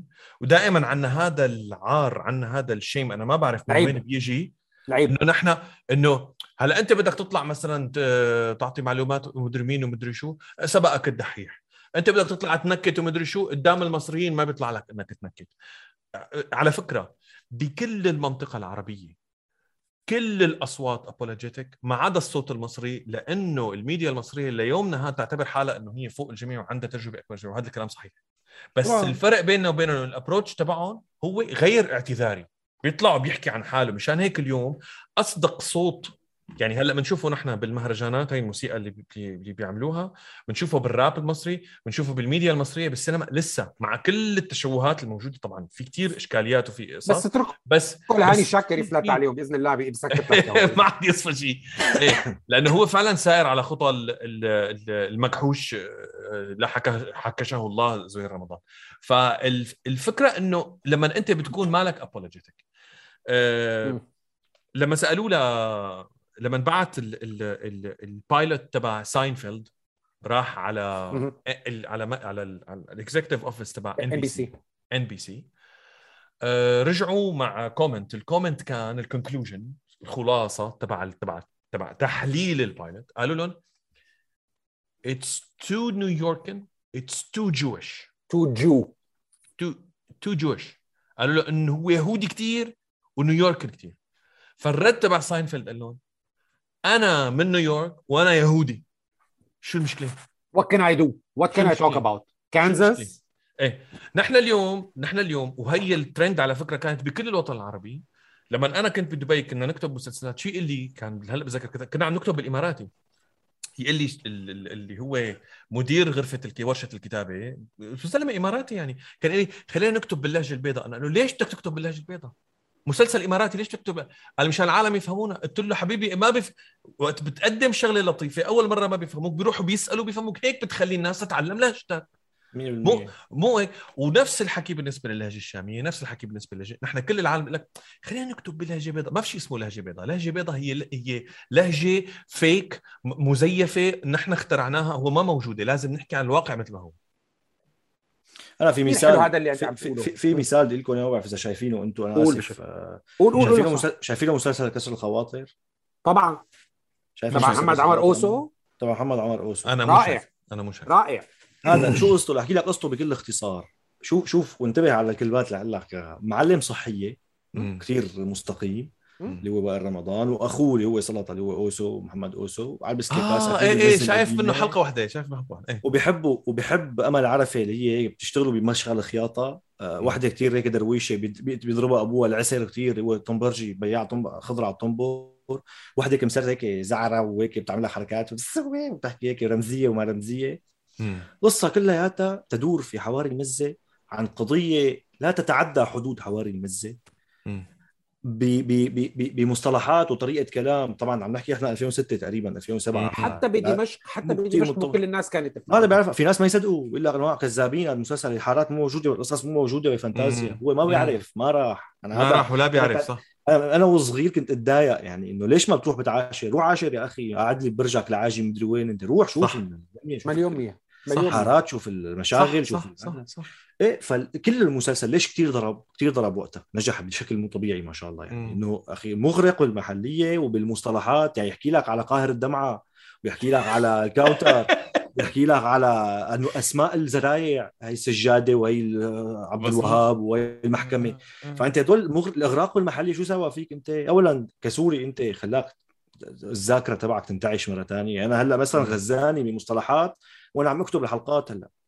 وعم بتذكرها بقى. بيحكي لك قصص كثير طبعا المسلسل فيه محاور كثير بايخة. يعني مم. طبيعي هذا كان لسه يعني بدايات ال... يعني صغير. هو الكاتب كان عمره صغير والدراما مو متطورة كثير والإنتاج ضعيف واضح يعني. مم. بس بالمقابل لما بياخذك فرجيك معلم صحيه شو عم يشتغل. أنت مم. كم مسلسل سوري شايف معلم صحيه خصوصي هلا آخر عشر سنين. ما كله ساكن في فلال. بيروت إيه. كله ساكن فلال. لك وكل عم يسوقوا رينج روفرات منين إجت كمان رينج روفرات شو مشاكلهم هدول؟ شو مشاكلهم هدول؟ لأنه لأنه حقول لك شغلة. هي المسلسلات هي المسلسلات الخمس ست سنين التي سبقت الثورة. في مجموعة من الكتاب والصانعي المحتوى اللي قرروا إنه يروحوا على الهوامش. كسر الخواطر واحد منهم الانتظار واحد منهم. تبع تبع نجيب نصير و- وحسن حسن سين يوسف يوسف. و... و... وليس حجه آه، هذا العالم تم اكتشافه وفجأة طلع اتضح إنه في سوريا تانية غير اللي نحن بنعرفها حتى. أهالي سوريا أهالي المدن هي ما كانت بتعرف إنه هي الهوامش موجودة أو ما... وإذا بتعرف انه موجودة بتعرفها من بعيد هيك وبتتعالى من بعيد وكان. وكان وفي جانب إضافي كمان جمال سوري قطعتك كان في جانب كمان تاني هو إنه هذا الجنب ما لازم يطلع على الميديا يعني ما طبعاً. لازم نورجيه تمام هذا اللي عم بقوله اليوم اليوم من بعد هي الهوامش ما كانت هي عمليا اللي قامت بالثورة هي المجتمعات اللي قامت بالثورة المجتمعات الطرفية بالمدن الكبرى والمجتمعات الريفية اللي هي, هي الناس منها. اهملت تمام. هاي المجتمعات لما طلعت وقامت المجتمعات المدينية اللي خائفة على نفسها والأنظمة اللي متحكمة فيها قالت بطل بدنا نسمع فيهم هدول. خلينا نرجع نرجع العالم للعالم ال aspirational تبعهم هالبنات اللبنانيات الحلوات الظراف هالمسلسلات اللي آه، آه، ناس آه، آه، ultra modern وكذا وإلى آخره. رجع هلا هذا الترند هذا هو المتسيد اليوم. مسلسلات. صباح international وتقليد لل- والتقليد. بيمسك بكل بساطة وبكل وقاحة أنا آسف يعني بس بعتذر إذا شيء يوم اشتغلت معك منتج صباح بسحبها من هلا. بس الوقاحه لا تشغلوه لا تشغلوه. الوقاحة وخصوصي مع نادين نج- نجيب إذا ما أخذنا معه ما تشغلوا الوقاحة بنقل القصة. أنا بروح بشوف في المسلسل أنا وليش وقاحة؟ بعتذر من كل المنتجين الكاتب والمخرج للمشكله الوقاحة بإنه بيروح بي- بي- بيعتبر المشاهدين أغبياء وما لهم شايفين. يعني بنروح مسطحين بنجيب Peaky Blinders مثلا أنا برأيي إنه أنا الوحيد الذكي اللي شفته واكتشفته وهدول باقي رعاع ما بيتفرجوا. لك يا حبيبي أنا من إمتى وأنت من إمتى وأنت من إمتى بنروح على الشيخ محي الدين وبنلملم كل ال DVD ات ونشوف كل المسلسلات اللي هنيك exactly يعني خلص انتهى. عم مثل مصر كمان نفس الشيء عندهم مشكلة بالفيلم مثل ما هو القصة نسخ. مو استهبال. سموه استهبال المشاهد بس استسهال عدم. الاكتراث مو إيه. الاستهبال مو إنه أنت أنت ما رح تعرف أنا ما بيهمني بتعرف ولا ما بتعرف هذا اللي جاهز هذا اللي عندي إيه أما أنا أنا بس أنا اللي بس. بدي اقوله هو اللي بس بدي اقوله هو فكرة إنه اليوم نحن اللي قالوا عمار كتير مهم وهذا الشيء نحن تناقشنا فيه هديك اليوم آه، ببعض من الاستفاضة بموضوع ال stand-up comedy اليوم في مشكلة مهمة كتير باعتقادي بالثقافة وأنت طبعا فيك تقول لي إذا أنا غلطان ولا لا.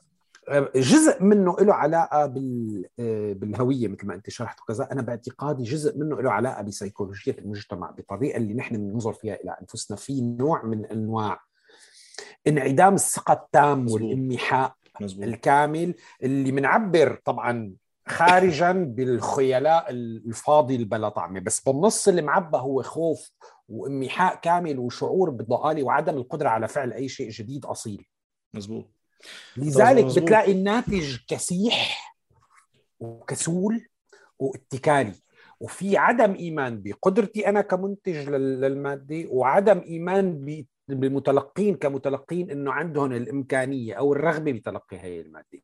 الفرق هون بقى أنتو هون بقى أنتو مجانين بطريقة ما معينة لأنه انتو ما you didn't get the memo. تمام؟ ورحتوا وبحثتوا دققتوا وقمتوا وحطيتوا وحطيتوا بذلتوا مجهود وما تكاسلتوا وما تقاعستوا انت والدكتور عمر. طبعا. وأنتجتوا نتاج وشو مسمينه بالبداية؟ ديستوبيا. يعني أنت رايح على اتجاه اللي هو post يعني مو بس إنه أنا مثلا رح أحاكيك هذا أنا رح أحاكيك شغلة هالقد آه، متقدمة عن ال... عن اللي نحن متعودين عليه بطلائع البعث تمام؟ قام إجاك اللي بده إياك ولحقك. العينتين. صحيح عنده بودكاست تاني استفزازي أنا ما بحبه ابدا وما بدي اذكره نهائيا. نهائيا. عدوي الصهيوني بس بس بس اليوم ال- العينتين عم يعمل شغلة بال stand-up comedy. هديك اليوم فت بنقاش عم نحكي على على ال stand-up comedy مع مع أشخاص أصدقاء وكذا وإلى آخره. تتفاجأ. أنت عم تحكي على سوريين ومشرقيين. مثقفين. ثلاثة منهم قالوا إنه ليش في stand-up عربي؟ ما بيعرفوا. ما بيعرفوا. أي فوقية هي تخيل عم عم أقول لك اليوم في نوع من أنواع ال ال ال الإيمان المطلق بعدم الإيمان بأنه في شيء بهي المنطقة يستحق يستحق الانتاج ولذلك كثير مهم اللي عم تعملوه أنت وانت والدكتور عمر. كثير التوثيق اللي أنت عم تعمله هذا ال localization of of حتى ال style. نحن طبعا بطريقتنا المختلفة الشوهاء التي لا أكيد المع... أكيد. واللي هي أنا بأكد لك تماما لا نادين الجيم ولا اي جي بلس رح يطلعوا أساسا بهالمنتج الحمد لله إيه. نحن بعاد عن نحن بعاد عن هالجو إيه. تمام. بس نحن كمان من طرفنا عم نتناول على هذا ال spectrum. أنت اللي عملته بشر وأنا هذا الشيء عم أقوله هون هلأ آه، يعني شكر وامتنان وإقرار الحقيقة. حبيبي تسلم.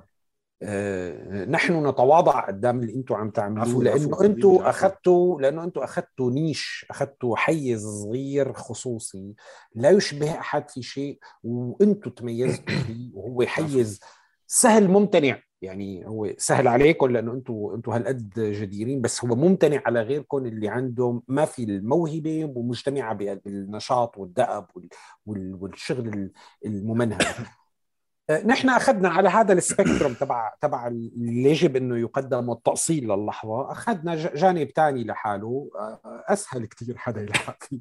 خليني خليني خليني اعلق لك على شغلة. معلش شغلة كثير إيه تفضل تفضل سيدي، تفضل. است- استنتاجي هيك قعدت فترة طويلة حتى وصلت لعنده. وكثير فادني بالتعايش مع نفسي بالتعايش مع شو لازم أعمل.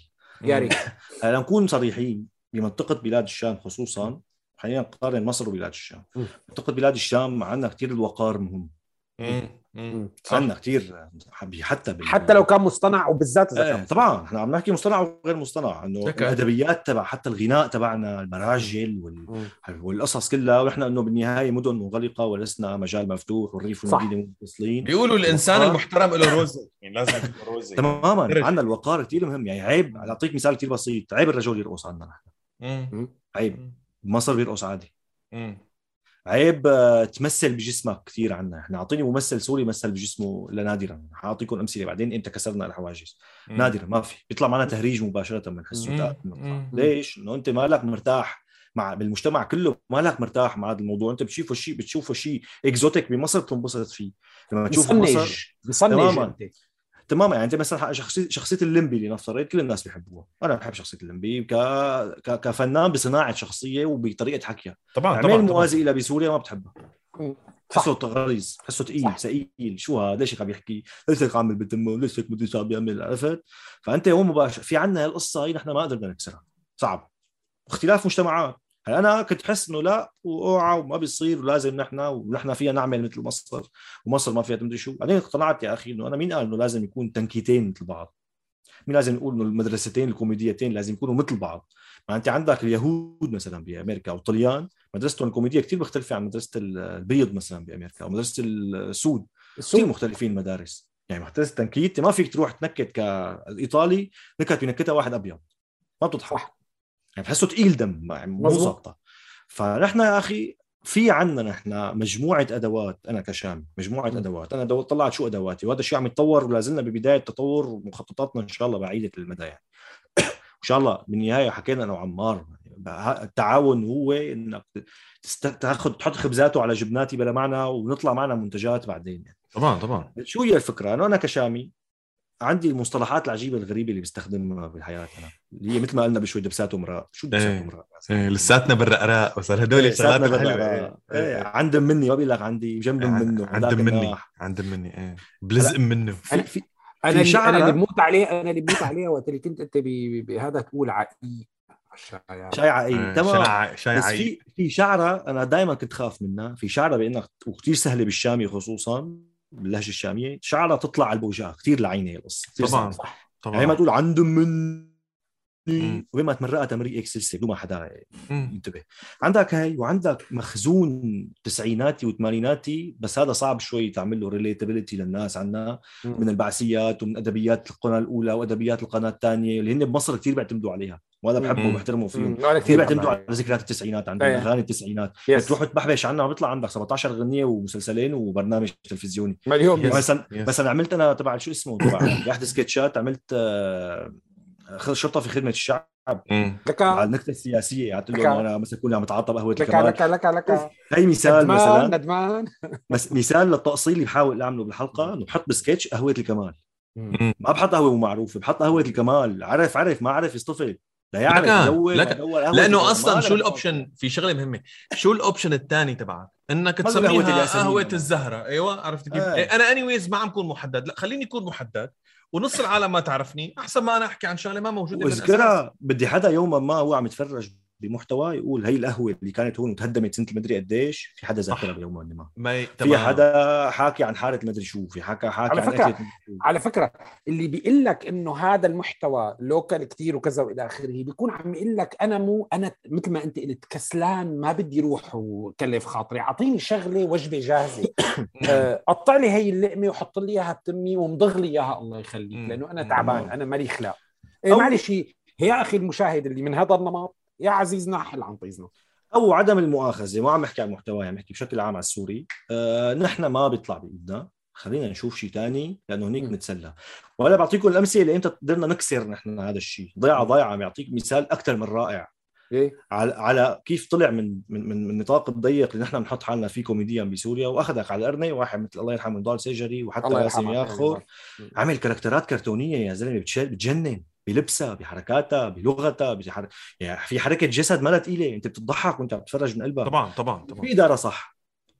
رجع لورا شوي مع إنه نفس المؤلف بصراحة وأنا بستغرب ممدوح حماده بس ممدوح حمادة. مختلف. مع إنه حتى هشام شربجي أنا كثير بحب شغله ب- خصوصا بأحلام أبو الهنا مبدع اللي. بيقرا اللي بيقرأ أحلام أبو الهنا بغض النظر عن السياق البايخ تبعه يعني قصدي إنه آه، كان غوار وصار مدري شو في إبداع بال characters ات بصرف. النظر عن عن دريد لحامك إيه وحتى character دريد لحام أنا ما بحب شغله ابدا بغض النظر عن المواقف السياسية كل شيء أنا ما بحترم هذا الممثل تمثيليا إلا بهذا الدور. جايب دور الشامي اللي بيعرف هذا النوع الإنسان الشامي اللي أمه متحكمة فيه والضعيف والنسوان وكذا جايبه مثل ما هو. وعندك شخصية يا زلمه شخصية ال- القلموني أندريس كاف بيكون تبع القهوة والشاي. رهيب ملبسينه شايبين له شعراته وعمره شي 25 سنة طالع مطقطق ختيار وإسماعيل كمخة. عامل كاركترات رهيبة ضيعه ضيعه نفس الشيء. بس بنروح مثلا على على على عائلة سبع نجوم وثمان نجوم. في رسائل في قصص أحيانا بيكون بس في مبالغة بالأداء لدرجة إنك زبل حاجة تنط وتوقع حالك يا زلمة يعني عيب إيه. إيه. حاجة تد- تتدحكل وحاجة تطرق حالك ومدري شو هذا اللي إحنا ما هذا اللي ما عم نطلع منه هذا اللي طلعنا منه ورجعنا فترة رجعنا لقفتنا فيه من جديد وفوتوا شوفوا الزبالة اللي عم تطلع على اليوتيوب في مسلسلات شكلكم ما بتدروا فيها. فوتوا. شوفوا مسلسلات زبالة طلعت آخر خمس سنين هاي اللي بكون تبع انه قديش الميزانية 1500 ليرة أيوه إيه إيه. الميزانيه 1500 ليرة. أنا عامل مسلسل بفيلا كله مصور عند المسبح.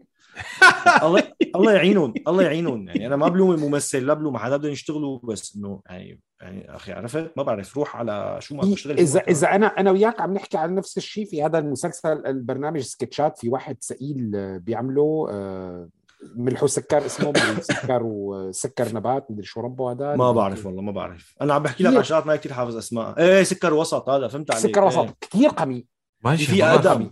ما بعرف آدم. شو. بشوفه بقى لرضوان أنطار هذا. هذا من جديد اكتشفته أنا ما صار دايمي اكتشفته. دايمي اكتشفته بصدفة. اليوتيوب ليش اقترحوا علي؟ ما بعرف. تعرفوا آه، يعني النكت الصف التاسع. والعاشر تبع اللي يعني سافلة على ها جاية على سفاري اللي كانت تضحكك وقت اللي كان عمرك آه، 15 مم. 16 سنة. تمام؟ عامل لهم سكتشات. عرفت كيف؟ على تزليط وتشليط وهيك وحركات وإيحاءات جنسية. أحيانا هيك شوي شوي مخباية. أحيانا كتير فجة وبشعه وبايخة وممطوطة ومعمولة بس لحتى هيك تعبي 20 دقيقة. شيء كارثي كارثي. يعني يجعل يجعل اللي عم نحكي عليه العيلة سبع نجوم اليازي طبعا. إيه لك مش هيك عم لك بتلاقي ضيعة ضيعة بتقول لحالك معناتها نحن بيطلع معنا. بيطلع معنا شيء. أنا أنا أنا بتجيني طبعاً. حطوا على نتفليكس لضيعة ضيعة. عميق. يعني أنت أنا شو شو اللي بحبه بضيعة ضيعة مثلا؟ أنا أول مثال إنه هلأ عم شوفه على فكرة. إنه إذا أنت إنسان عادي جدا وما بيهمك الرسائل بيضحككم بتنبسط كل شيء تمام. في لذيذ منطقة حلوة جبال وشخصيات بتضحك قصص لذيذة. بدك تروح على العمق لا. قد ما بدك تغرق بفوت في عمق. يعني بيمشي. معك الكاتب صح. عرفت؟ صح. يعني يعني بيحكي لك عن عبد الرحمن كواكبي كاتب ومدري شو بيحكي لك عن تملق. حلقه التملق مثلا هي رهيبة ممنوع التملق صار هلا. شو بدنا نعمل؟ ما عم نعرف شو بدنا نعمل. عادي الإنسان العادي ما ما حيفهم الرسالة. هذا السهل الممتنع. هذا هو هذا اللي زال بس هذا اللي بيخلي هذا هو المشكلة. المشكلة هو إنه الإنتاج السوري عموما الثقافي بالعموم والدرامي تحديدا بسوريا لما كان لما كنا عايشين والسيد الرئيس منيح واللي حواليه عرصات وكل شيء تمام، تمام؟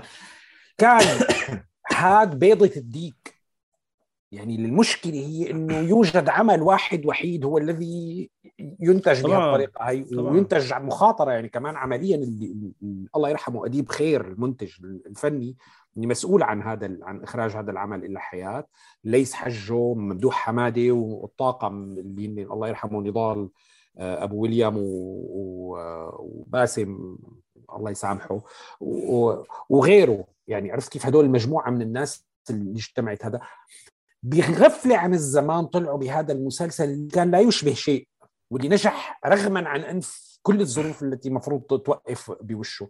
آه، المشكلة هي هاد إنه إنه أنت تتكل على هي الظاهرة مرة في في في, غيره للأسف. في غيره في غيره. خلينا نقول في 15 عمل 20 عمل نفدوا. حلوين بين تاريخي وبين اجتماعي وبين كوميدي أنا شو مشكلتي؟ هسه ابشع مرة حكيتها بحلقة ديستوبيا. إنه ما عندنا انتاج شيء ثاني. يعني إنتاجات ثقافية فنية ما عندنا نحن اكتفينا بالصدفة بمجموعة مسلسلات بالصدفة طلعت. صح. بالإضافة لفن أغاني ما عندنا آه، رسم ما عندنا في سينما ما عندنا موسيقى ما عندنا على فكرة أوقفت. يعني طبعاً. أنت اليوم عمليا عمليا أنت إذا بتطلع على جيل اللي بالسبعينات كان يشتغل اليوم مثلا كنت امبارح عم بقرا عم بقرأ شغله لصديقتنا رشا عمران آه،. حطت حطيت بوست عن والدها كان كان شاعر اسمه محمد عمران لك آه، كان كان مدير آه،. مدير الثورة الثقافي ملحق الثورة الثقافي كان مجموعه الناس اللي نشر لها والكذا والاخري رغما عن انف الر- الرقيب بلحظة ما معينه كان النظام فيها ما له كثير منتبه وكذا وما له كثير مهتم.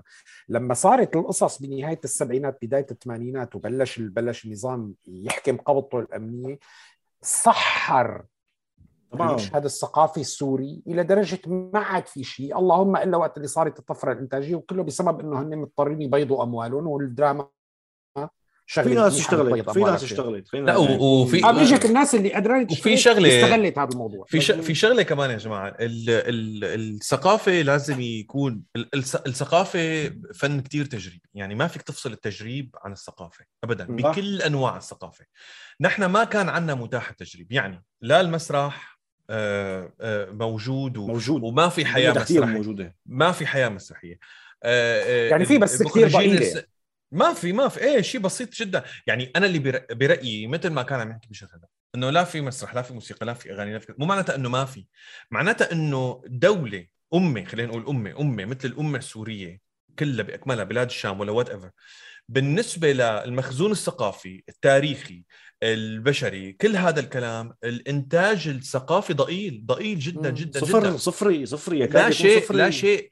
يعني يعني أنت لما هذيك اليوم كنت عم اتفرج على في في فيلم musical طلع من فترة على على نتفليكس ما له هالفيلم العظيم اسمه tick, tick... boom هو بيحكي عن آه، عن عن عن مؤلف ومخرج musicals يعني مسرحيات غنائية موسيقية. آه، نسيت والله شو كان اسمه. لارسن شغلة لارسن. يا زلمة كان عندهم برودواي مو كان عندهم لهلا Broadway off Broadway off off Broadway off off Broadway يعني في في ثلاث ثلاث level ات لإنتاج و مسرح موسيقي لانتاج غنائي. المسرح الموسيقي الغنائي فقط. لسه ما حكيت أنت عن المسرح الجاد لسه ما حكيت عن المسرح ما حكيت. هذا لسه ما حكينا عن ال stand-up comedy اللي هو عالم كامل بحد ذاته. ما حكيت عن ال improv اللي كمان عالم ب... ما حكيت عن الموسيقى ما حكيت عن الناس اللي بتغني. بالمطاعم وبالبارات وبالكذا. فأنت في عندك إنتاج غزير غزير غزير. شو بصير أنت بدك تش... هي اسمها المنافسة الإيجابية. هذا اللي ال- إيه، العمله إيه. الجيدة تطرد العمله السيئه نحن مثل ما حكى هلا مثل ما حكى هلا جمال. إجا خدام وإجا بدام وإجا ضراط وإجا خرا وكل هدول وقبنض افندي إجوا هدول صاروا بدهم ينتجوا هذا ما بيهمه يعمل level ما بيهمه يعمل منافسة. والله صدفة. يعني أنا بالنسبة لي لو المرحوم. لو المرحوم لو المرحوم حاتم علي يمكن كان ما وصلت م- يعني ما ما ما خلق منافسة قوية إنك تصير تشتغل لحتى مو بس هو طبعا هيثم حقي قبله وحاتم علي وليس حجو مجموعة مخرجين. ما كانوا خلقوا منافسة لتصير تبيع بس. بس هي هاي بشر ها مبادرات فردية. ما في موفمنت طبعاً. ما في حراك تام. مو- بس. عمل هذا الفرق ال- هذا الفرق عن عن مصر إنه في مصر تستطيع التحدث عن صناعة تلفزيون وسينما في سوريا لا تستطيع التحدث عن. تلفزيون ما لحقنا نخلق ثقافة صح؟ ما لحقنا نخلق ثقافة ح- حضور. يعني نحن ولذلك اليوم صانعو المحتوى السوريون الافراد واحدة من الشغلات اللي أنت اللي عم تعملها بشر برأيي الشخصي. واللي نحن بي طبعا هلأ ما بدنا الواحد يكون عم يحكي يعني يعطي لنفسه. بس نحن حقيقة عم نحاول اللي عم نقدمه بصراحة هو إنه تفضل it can't be done it can be done. بس. افتح يوتيوب بس. بس أنا افتح يوتيوب تلاقي فيه محتوى لطيف وظريف سوري. بكافة الأنواع. يعني أنا مثلا في سؤال بيسألوا ليش أنا لما كنت بالشام ما كنت أقول لك أمشي يلا يا شباب نروح نحضر حفله الفرقة الديرية الفلانية؟ بضحك علي إذا بقول لك هذا الحكي. صح. ليش ما نروح نحضر المسرحية اللي جاية من الحسكة اللي بتحكي عن مدري شو مزبوط. قصه ولا بيخطر ببالنا. هلأ كمان نفس الشيء انتقال على اليوتيوب. هلأ يعني بقول لك صانع المحتوى الفلاني صانع المحتوى العلاني انت ما في في جفاف. و... و... و... وأنا بسميها هي آه، يعني قناعاتي عم تصلني عم بصلها بعد صار هلا أربع سنين صار لي بالمجال. مم. معظم السوريين اللي عم يشتغلوا محتوى سخيف هو surviving يعني هو مم. عملية آه، نجاة. إنه أنا هذا. المحتوى مضمون بيجيب مصاري.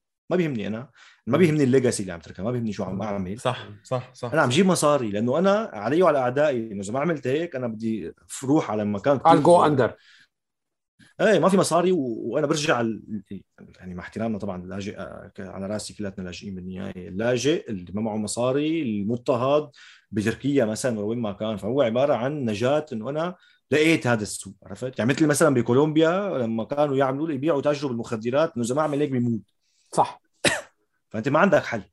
صح. ف... فما بلومه أنا كثير على فكرة. بس بيسألوني إنه أنت هدول صناع المحتوى ما بلومه أنا ما بلومه. يعني ما كثير بلومه صراحة. هو أقل وعيا إنه يعرف آه الأثر السلبي للشيء اللي عم بيعمله. لذلك لذلك هذا اللي عم بقوله على على الناس اللي قدرانه وواعيه واجب اتقل 100% ولذلك أنا هذا اللي بقوله. مرة ثانية وثالثه نحن من قبل ما نلتقى فيك بشر وقبل ما. نتعرف عليك وهذا رأينا عمار وأنا وصرحنا فيه على هذا البودكاست ال- المحزون هذا اللي هلأ صار عمره سنة أكثر من مرة. قديش نحن من المعجبين ال fans. الله يخليك الله يجبرك. ال fans الحقيقيين للشغل اللي أنتم عم تشتغلوا غير ال fans لشخصك الكريم الله يجبر ل- بخاطرك لعمر. نحن عم نحكي بس على عن جد على المحتوى اللي عم تقدموه. قديش بنعتبره شغلة بنعتد كله حرب يا زلمة. فعلا. ف... حرب. يعني هالحلقة ك- خ- كتير شامية. خلص حاجة فستو.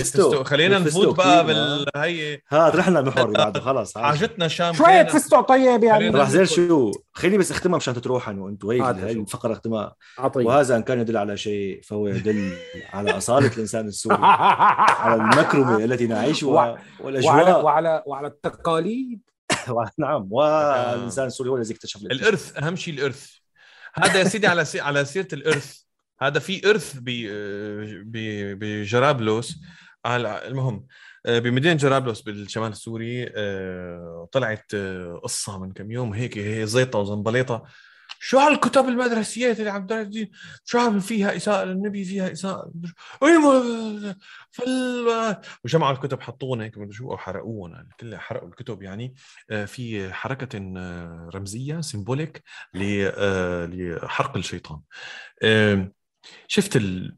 شفت ال... ال... ال- الصفحات أو الشغلات اللي عم يحكوا عليها.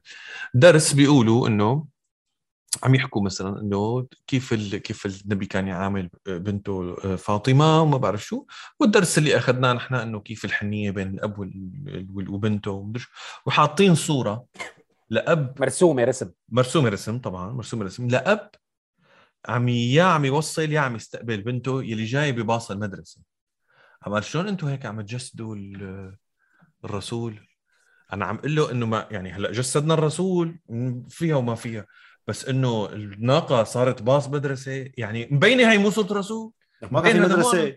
إيه يعني مو هالرسول شبك شبك شبكون شبكون شبكون. يعني شو صاير؟ شو صاير؟ والله أنا برأيي مزاودات يا عمار مزاودات. طبعاً، طبعاً. شلون بتنشأ الموضوع؟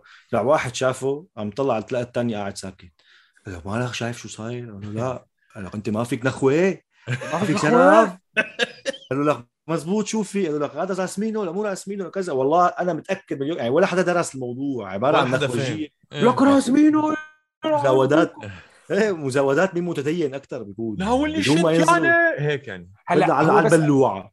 بس اللي بس اللي بدي أقوله إنه دائما دائما يعني المؤشر الجيد دائما على قديش الحدث عظيم ومستاهل وقديش نحن وضعنا تمام بيكون وقت اللي بيصير حرق الكتب. يعني بألمانيا النازية حرقوا كتب.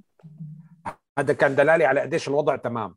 فنحن بادلب عم يج- عم يتم حرق الكتب يعني طبعا أكيد مو ألمانيا النازية هي ادلب يا أخي عم المشكلة بقول قديش الحالة حرقوا افكار حرقوا أفكار حرقوا أفكار. هنيك هون حرق عن جد ما بعرف يعني يعني مين بعقله يعني هل هن برايهم طفل رح يطلع هيك؟ يقول هل هذا هو النبي؟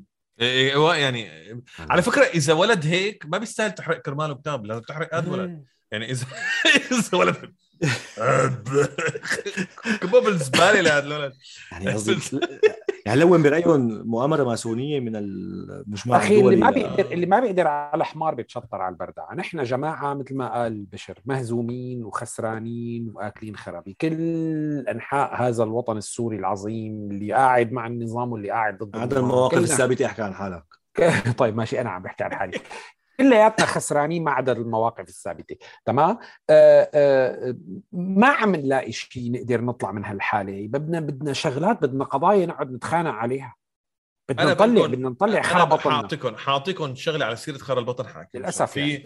في مسلسل عن حياة جورج وسوف بدهم يعملوه هلا. الشاهد تعمل مسلسل على سيرة خرا البطن. فمسلسل عن حياة جورج وسوف. آه على ش... على شاهد بده يطلع هلا صار عم ينحكى فيه شي سنتين أنا سمعت عنه من سنتين بس على ما يبدو هلا نحن وصلنا لا خلص في materialization يعني في شيء عم نشوف شيء عم. بلش بلش صار نزل حلقات آه خلص في ناس مثلت وطلع آه إيه نزل نزل واو. حلقات إيه واو شفت شيء منه؟ وثائقي ولا ال trailer. مسلسل؟ آه، اثنين docuseries يعني بيسموها docudrama docu يعني series، بيعملوا معه إيه. مقابلة طب مين اللي عم يعمل مين اللي عم يعمل جورج وسوف؟ ولد ولد لسه ما بعرف يعني لساته ال trailer لأنه أول. شيء البداية إيه البداية طب هلا معي سؤال أنا آسف مرة ثانية عن جد عم بسأل السؤال من باب الجهل التام هل حياة جورج وسوف تستحق إنه هل غنية لدرجة إنه ينعمل عنها documentary يعني إيه. أو docudrama قد يكون إيه. ما بعرف. شو شو شفت الجواب الغليظ إيه انتبه انتبه قد يكون قد ما قلت لي علل ما قلت لي علل سألتني هل yes علل علل طب علل علل علل اولا اقتلاع الموقع نص ساعة الصفر من العدو الإسرائيلي. اثنين نسف صورة العدو الاسرائيلي الذي لا يقهر. ثلاثة برهنت أن الإنسان العربي والجندي العربي والجندي قادر. على استخدام لا. السلاح. شوف حقول لك شغلة. أنا لهلأ بتذكر إنه من زمان كتير كتير كتير كتير كتير شفت كنت كنت كتير صغير. شفت مسلسل آه، عفوا شفت فيلم عم يحكي عن آه، هو autobiography لإلفيس بريسلي. وإلفيس بريسلي ظاهرة غنائية يعني هو is the king of of rock and roll و شغلة فظيعة. هلأ بدنا هون نفرق. هو شغلة فظيعة مو يعني إنه هو نبي. هو ش... هو شغلة فظيعة بال rock and roll عمل ظاهرة. بس هو ما كان genius موسيقيا هو ما كان هالشغلة الفظيعة. يعني هو عنده style وعنده عنده هيك niche ومشي فيه. تمام؟ الحلو بهذا الفيلم وهذا وقت أنا انفلجت وقت شفت القصة لأنه بالنسبة لي كنت هيك أول طلعتي وأنا إلفيس بريسلي إنه واو إلفيس بريسلي واسمع اغاني وانبسط انفلجت كيف حطوا إلفيس بريسلي إنه هو كان آه abusive abusive هو كان شخصية كان طبعا آه، الإدمان والمخدرات إدمانية. الص- الص- الص- الص- فظيعه آه، كان عنده سلاح بالبيت وكان يغار وكان شخصية كتير خرائية. الشيء الرهيب إنه لما طلعت القصة بلشت أفهم أنا إنه آه okay. ال autobiography معناتها مو بيطلع جورج وسوف وبساويه أنا المهدي المنتظر لا. بقول فأنا هذا اللي عم بسأله جورج وسوف هل من الممكن نحكي عنه مثلا؟ ما نحكي عن إدمانه اللي كل الناس تعرف إنه كان عانى من بمعزل عن جنانه إيه. إيه. فينا نحكي آه. عن مثلا مواقفه اللي مثل طيزي؟ لا والله مو طيزي ببلادنا- طيزي طيزي منيحه م- موقفه هو بطل شعبي.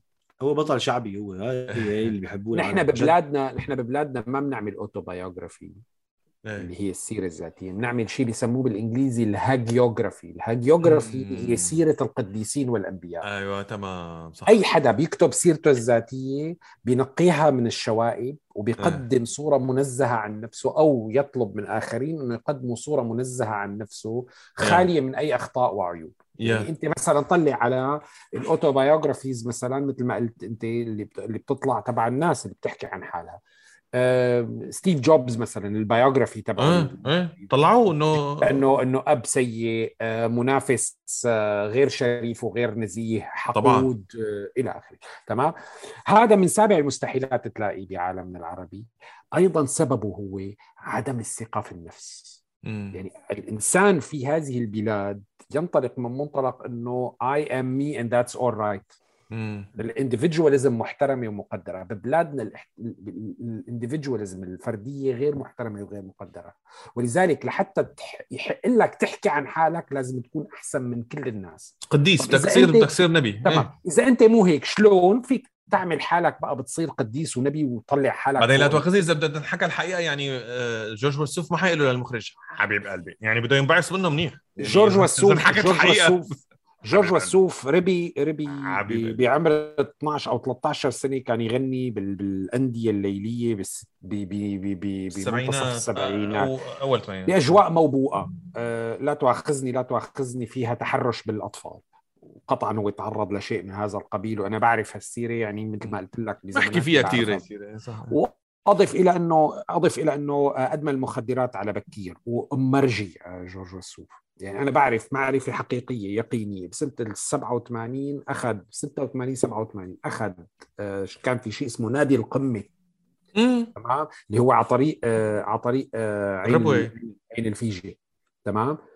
مو الربوة آه، عين الخضراء عين الخضراء إيه؟ تمام؟ عين الخضراء كان في نادي اسمه نادي تذكرته تذكرته تمام؟ هذا بنادي القمه كان آخذ هذا الحكي عم حكيك كان معاش الشرطي مثلا بهذاك الوقت 700 ورقة. آه ليليته كانت لجورج وسوف 10000 ليرة كان أكبر أكبر عقد كان موجود ب- ب- ب- ب- بسوريا وقتها.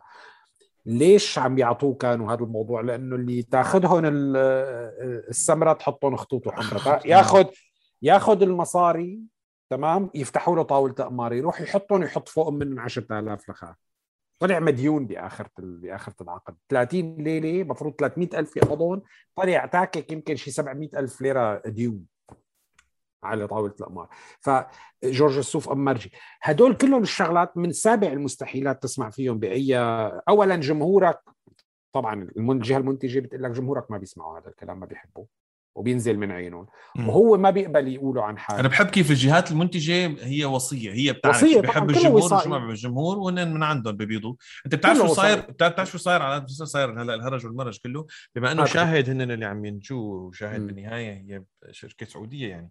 ام بي سي من ام بي سي إيه. فالجمهور السعودي كثير في منه عم بيقول إنه هذا زلمه إنه هذا زلمة مع النظام واقف مع مع النظام وإنه هذا كيف أنتم زلمة واقف مع النظام وواقف مع حسن نصر الله ومجدهم هدول كلهم المدري شو. شلون عم يبوس ايده لرامي مخلوف. إيه إنه شلون أنتم عم عم تعملوا له مسلسل وتعملوا له مدري شو. يعني عن جد؟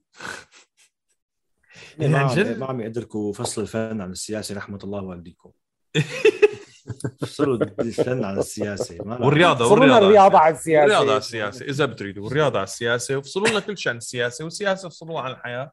وفصلونا نحن عن الحياة. فرضا نحكي بهالقصة. ولو إنه هذا. هلأ أنا مثلا بقول لك واحد من أهم الممثلين السوريين خلال فترة ال 20 سنة الماضيين 25 سنة الماضيين هو بسام كوسة.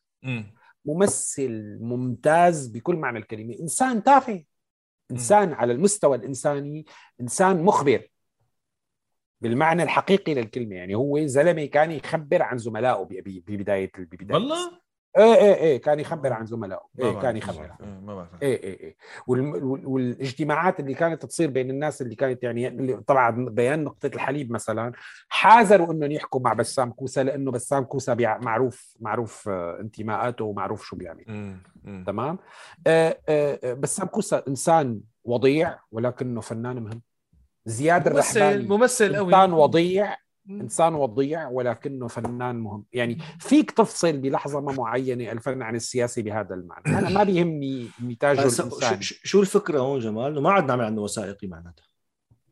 لا يعني بنعمل عنه وثائقي بامانه ساعات إيه لا مو هذا قصدي. يعني خلاص قصدي بدك تعمل يعني مثل جورج وسوف أنا لا أرى إنه هو إنسان مجدد بعالم الموسيقى لا أرى أيه. إنه أغانيه حلوة طبعا. أنا كثير بحب أغانيه. أغانيه حلوة إيه أغانيه حلوة إيه بس خلاص يقف هون الموضوع يعني. يعني بعد وبعدين أغانيه حلوة مع كل الاحترام يعني هلأ اليوم أنت لما بتقول بيتلز أغانيهم حلوين ولا بتقول بينك فلويد أغانيهم حلوين ولا ولا ولا في أمثلة كثير هدول ناس كتبوا أغانيهم وهن عملوا موسيقتهم. هدول ناس الإبداع وص... يعني يعني في في شيء مو أنا بس لأنه صوتي حلو. يعني مو الفكرة بس لو مبدع. فيني خالفك إلفيس بريزلي من بيدخل من هذا النمط. إيه بس إلفيس بريسلي بس إلفيس بريسلي فرانك سيناترا ما غنى ولا غنية هو الف إيه لحظة. بس إلفيس بريسلي ولا مرة انحط بال level تبع البيتلز. ولا مرة. يعني معك معك طبعا لا. no no البيتلز البيتلز كانوا ينظروا لإلفيس بريسلي إلفيس بريسلي كان the pre Beatles with all due respect king كل الاحترام يعني البيتلز هن the pinnacle the pinnacle بهداك الوقت كان. اي اجري إيه. لا لا وحتى نظرة حتى الموسيقيين اللي عم أقول لك أنا إنه ماشي. بدكم تعملوا وثائقي عن جورج وسوف؟ طيب. لأنه جورج وسوف عمل عمل مدري شو مدري شو مدري شو. طيب احكوا الشغلات الثانية كلها الجوانب تبع حياته. خلينا نعرف تماما شو هذا يلي ورا هالإنسان اللي عم تعتبروه أنتم له ما له وعليه ما عليه ابدا. احكوا لنا إياهم؟ كلياتهم كلياتهم قولوا لنا إياهم. هلأ بس نحن عم نحكي هذا الحكي على فكرة لأنه نحن يعني آه آه آه شو بيقولوا؟ زمار الحي لا يطرب. لا يطرب. عنا إياها هي القصة اي والله. خصوصي بهذا البودكاست الحقير. وهلأ بس بدي أحكي بقى أنا على شغلة عن جد جديا ما بعرف ليش عنا إمتى بدنا نخلص من زمار رحيل امبارح كان في جلسة بمجلس الأمن وكان فيها سماع لشهادات تخص القضية السورية وكانت المخرجة وعد الخطيب وكان الناشط واللي هو السجين السابق بسجن صيدنايا العسكري عمر الشغري كانوا موجودين وقدموا شهاداتهم. أه، سمعت كثير يعني سمعت آراء إيجابية كثير كثير كثير بس سمعت مجموعة من الآراء السلبية اللي هي غير قليلة. ناس عم بيقولوا إنه مين هدول وليش طلعتوا لهون؟ أنتم هلا صرتوا ممثلين الثورة واصلا شو استفدنا يعني؟ شو هالمه... شو ليش عم تشاركوا بهالتمثيليات؟ وليش عم تس... اخ شو بدك أنت؟ يعني أنت اللي عم تحكي هذا الحكي شو بدها بده الكل أو لا شيء. إياه. يعني الكل أو لا شيء. يعني عفوا يعني يعني الناس يلي كل يوم عم تطلع وتحكي بالنيابه عن عن الشعب السوري بغير حق وعاملين جلسات قال بدهم يعملوا دستور يعملوا كذا. مو أشرف منهم هدول الناس الحقيقيين اللي طلعوا اللي عن فعلا فعلا فعلا عملوا شيء عم يقدموا صورة إيجابية. عمر الشغري يا زلمة عم يقدم شيء إيجابي يعني هذا الإنسان عم يقدم نموذج نج...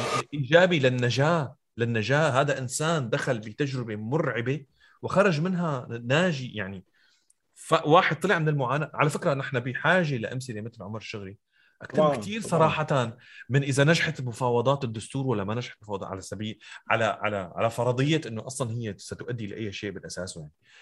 ما عم بفهم منين هال- هال- الآراء هي يعني السخ... هدول العالم شو بدهم يعني؟ مزاوده قالوا والله بنرجع نفس الفكرة بيزاود على بعضهم. هذا إنه أنا أنت أقل ثوريه مني وأنت أقل موقع مو- يعني ثباتا على المواقف والمبادئ مني. نفسها بترجع نفس النقطة لإلي أنا بس هو إذا بتسأل أنت أو تشوف ادبيات أدب السجون كلياته أو أي. معتقل سابق بيقول لك شو كان أكثر شيء يهمه؟ شو أكثر شيء كان يفكر فيه؟ إنه هل الناس اللي برا عم يفكروا فينا ويتذكرونا ولا لا؟ فمجرد إنك تحكي أنت قدام العالم كلهم عن هدول الناس هذا كافي. تذكر بوجودهم لأنه نحن وأنا أولهم رح يمر عليك أيام طويلة وتنساهم لأنه الإنسان بينسى لا ارادي يعني الموضوع. صح. فبيكفي إنك عم تذكر معاناة أهل المخيمات بكفي إنك عم تذكر معاناة أهل المعتقل. وحتى هي في ناس ما حيحبوها بكفي إنك تذكر بمعاناة الناس اللي جوا. طبعا. مليون بالمية ودائما بنحكي نحن عن هذا الموضوع. في ناس اليوم أنت عم تحكي عن عن حوالي 15 مليون سوري عايشين جوات المناطق اللي تحت حكم النظام. مساجين هدول. هدول مساجين ومقهورين ومقموعين ويعني يعني لازم فقراء ينحكوا. وجوعانين وبردانين و... اليوم اليوم الفكرة. عمار انت بتتذكر انت بتتذكر حديثنا هذيك النهار عن الانتقاد اللي إجاك بعد الحفلة الكوميدي اللي أنتم عملتوها. تمام. اللي هو في ناس في ناس عندها مشكلة مثل اللي بتحسه صايب وحكاك ومو عرفان شلون بده بده بده يحل القصة عرفت. كيف؟ آه، العفو منك طريزو عم تحكه ومو عرفان شلون بده يدبر حاله نقف عليه عم تنقف عليه في نوع من أنواع في أنواع نوع من أنواع المحن السوري المميز آه، عموما. واللي بيتضاعف وقت اللي بنحس حالنا إنه مظلومين المركزية السورية اللي ناتجه عن هالتناقض هذا الأم... الامبيجيوتي ما بين احتقار الذات لدرجة المعس. وتأليه الذات بالتقديم للآخرين دفاعا عن النفس. الفراغ اللي بيناتهم بيتعبى بمشاعر من الحقد والمضايقة والرغبة التدمير. غضب في غضب في غضب في تدمير كل ريج شيء. إيه إيه. إيه، في تدمير كل شيء.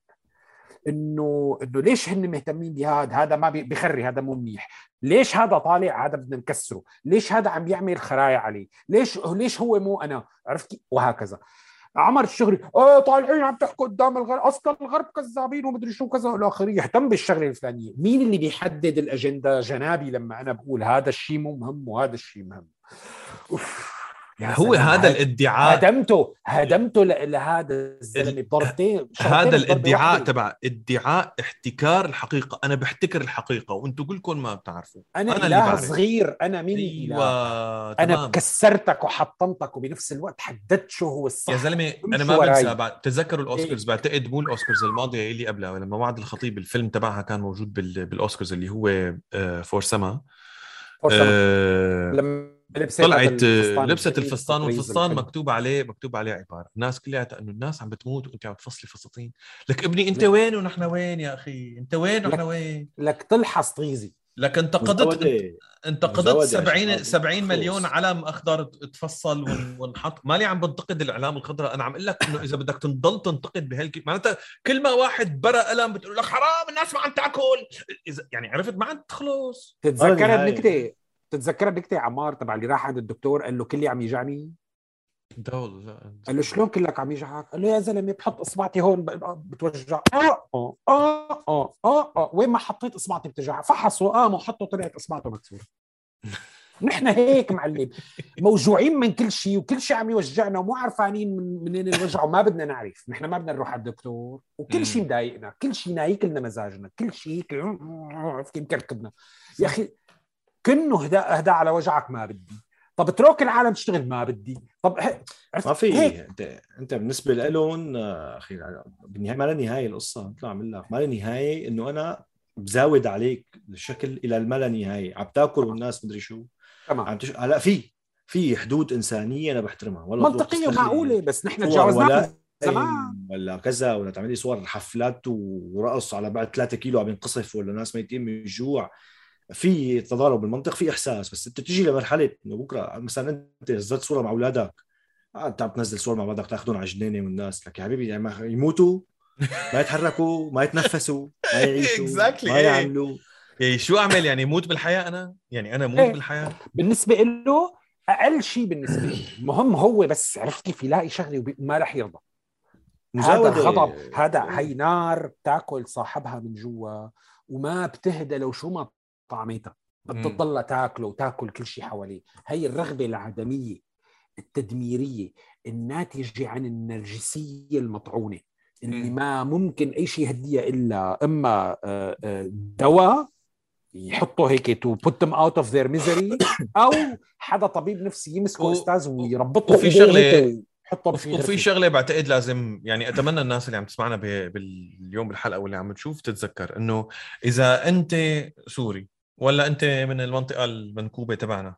وعندك شيء تحكيه احكيه واطلع قوله. ولا ترد لأنه من أكثر من التعواية ما في. وصراحة اللي عم بيعوي قاعد عم بيعوي بس انت رح توصل. بالنهاية طالما عم تضل عم تمشي انت بدك بدك توصل بالنهاية. يعني اليوم عمر الشغري مو آه، آه، عدم المؤاخذة نقابة الفنانين تعرفت عليه ولا المجلس السوري الأعلى العلمي ولا شو بعرفني.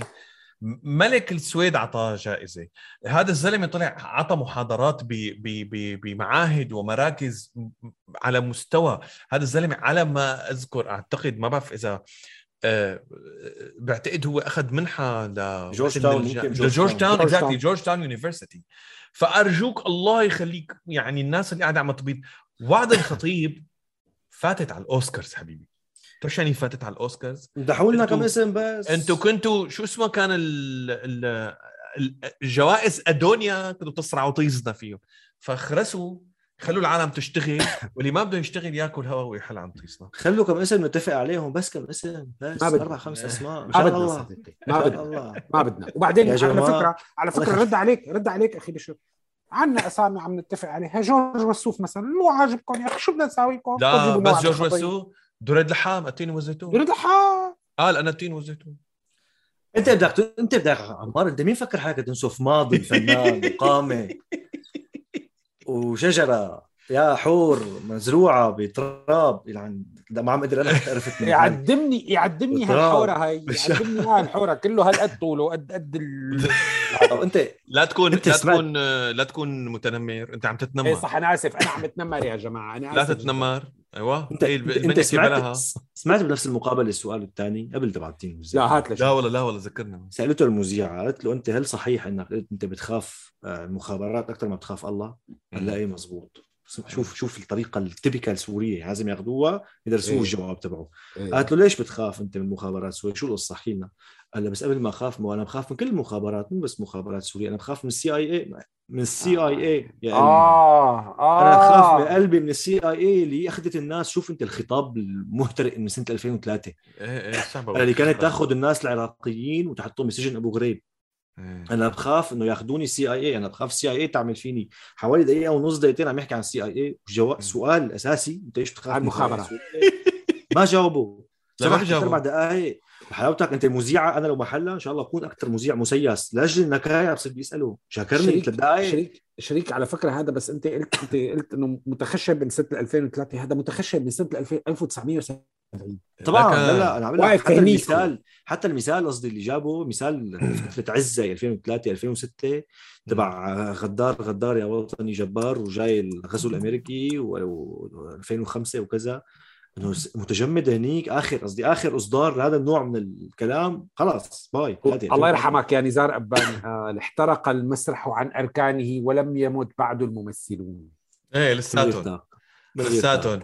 لساتهم من غير تك من تلك القامة الفنية. التي كانت ولا تزال رح رح أموت رح أموت. على سيرة القامات في قامة فنية تانية خالعة ثلاث مقابلات بتغيظ بعض على ما يبدو هلا بآخر فترة. الأستاذ محمد قبنض قبنض أنا ما حدا قال لي شلون بيلتفظ اسمه. شلون بيلتفظ اسمه؟ قبنت قبنت. قبنت قبنض قبنت. قالوا قبنت. قبنت قبنت يا أخي حتى نكون آه، هي أولى موصفين هي قول قبنت قبنت. قبنض قبنض حنقول التنتين مشان ما حدا يقول لنا عم تتنمر خيريه على خيريه خيريه بابا خيريه إيه المهم آه، قبنض قبنض عملوا معه مقابلة قالوا له سألوه والله ما بعرف أنتم شايفين شيء مثلا مقابلة لواحد بالمنتجين اللي مثلا مع مين بدنا نحكي؟ من فترة من أربع خمس أيام آه، توفى producer كتير مهم آه، آه، نسيت شو اسمه كونيتو Sondheim. اللي هو واحد من آه، Stephen Sondheim Stephen Sondheim اللي هو من أهم من أهم مؤلفين ومخرجين ومنتجين المسرحيات الغنائية مبهورون بالتجربة بالغرب. الغنائية آه،. أنتم آه. موهومون بالتجربة الغربيه سمعانه وانت هذا حدا سمعان هذا الزلمة عم يحكي حدا سمعان عم يحكي أنا بتعرف. شو؟ بتعرف إيش ما حكى؟ بتعرف إيش ما حكى؟ أنا آسف بدي اقطعك بتعرف إنه ليس عديم موقف إيه صح عديم مبدأ لا يملك قضية. الجرأة سألوه قالوا له لا تاري تاري تاري محمد قبند قبنض آه، استضافته رابع الزيات. طبعا وضراطه منه ومن رابع الزيات. يعني ال ال الشغلة اللي بتضحك إنه رابع الزيات يعني شوف ما عاد صفي شخصيات. امراه قالت تعال نجيب محمد. اللي ما بيعرف يحكي كلمتين. فإجا عم شو بيقولوا له؟ قالوا له شو كأنه آه مثل كأنه حصرتك بالزاوية يعني. قدرت عليك رابع الزيات هلا هلا لا هي ولا الأكبر منا. شو ما كذا إيش واحد أنت عم تسجل مواقف؟ تضرب أنت ورابع الزيات لك حبيبي هذا هذا مقطف وصار معه مصاري وفلت. أطلق الجرزانه وصح من مبارز هيك وسط آه. فني. يعني لا تؤاخذني لا تؤاخذني. اللي كان الله راحمنا هو إنه من قبل المنتجين اللي كانوا ينتجوا المسلسلات السورية قبل ال 2011 ما كان لهم مصلحة يطلعوا على التلفزيون ما كان في ولا سوشيال لو بتسمع لله ولا لو بتسمع الحديث تبعهم يعني ما كثير قبض يعني. واحد نموذج يعني محمد. حمشو محمد حمشو أحسن يعني أنا أنا ما فيني اكمل هون في تطاول على على على قامات قامات. انت كله. هدول قامات بالنسبة لها قامات مهمة. وين عندي لا. ما فجأة كله خزانه القامات؟ عندي خزانة لا. القامات. لا قال شو بتقول له؟ قال بتقول له إنه أنت طيب وهيك بالمقابلات حضرت يعني المقابلة. لا لا. أنا لا بحضر. ما بفعل شيء. أنا مصيبة إذا عم هيك يحضر. إيه اكزاكتلي عم يحضر. وهيك ولي. قال شو بقول؟ لا. قال لا أنا رب العالمين بيحكي معي. الملائكة بتحكي معي. أول الحمد شيء. لله. شوف حق لك شغلة. أي واحد مو نبي عم يسمع الله عم يحكي معه هذا لازم يروح يفحص بسرعة بسرعة روح على الدكتور بسرعة روح. على الدكتور. you need a visit حسب ما exactly بنع... حسب ما بنعرف خالص. يعني 1450 سنه ما عاد في حدا يحكي مع حدا سكر. إيه لا هون هذا فتح نبوة جديدة. أخونا قال هيك هو طلع معه. سألته على باب الحارة. قال لك كل سنة في باب الحاره يعني خلاص هلا من هلا قال هلا قال هلا هلا أبداً. بدي اجيبهم هلا بدي اجيبهم لليوم بدي البسهم بدلات وشوي هلا شوي على شوي عم بلبسهم آه ابدا. إنه هو هيك عم بيقول وباب الحارة هذا قالت له طيب بقي الفنانين النجوم تبع الأجزاء السابقة. قال له موتت نص قتلتهم قتلتهم ربكم الأعلى. يعني في في مخرج قالت له آه اسمع اسمع.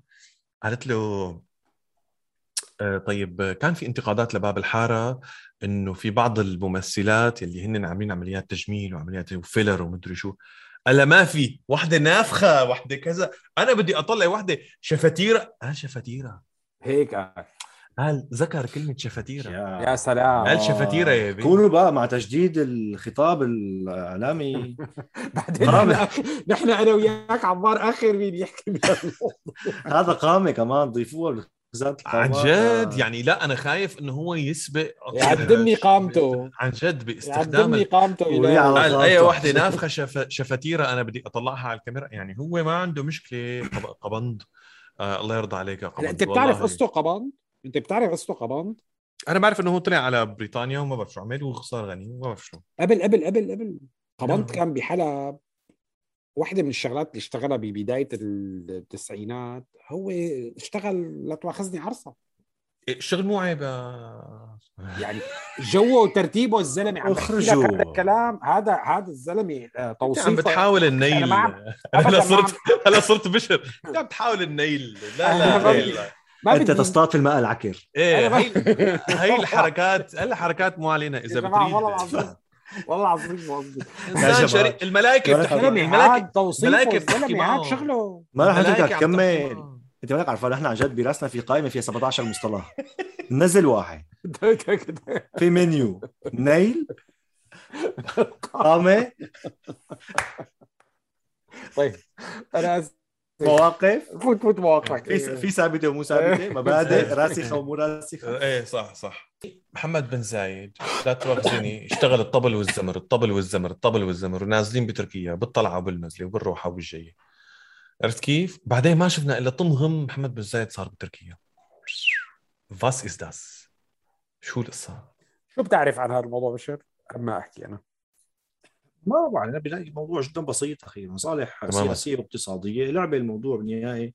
أنت صديق اليوم عدو الأمس عدو بكرة صديق بكرة يعني سياسة بالنهاية هو المشكلة نحن وإنه نحاكم السياسة بعاطفية ما بنحاكمها بمصالح هي السياسة هي فن الممكن وهي مبنية على المصلحة حصرا فقط لا غير يعني ولازم لا دائما. نتذكر إنه ثلاث أرباع اللي بيطلع على الإعلام هو للاست مو ثلاث أرباع والله يعني 110% منه هو للاستهلاك يعني حتى تستهلكوا أنت هلأ. يعني.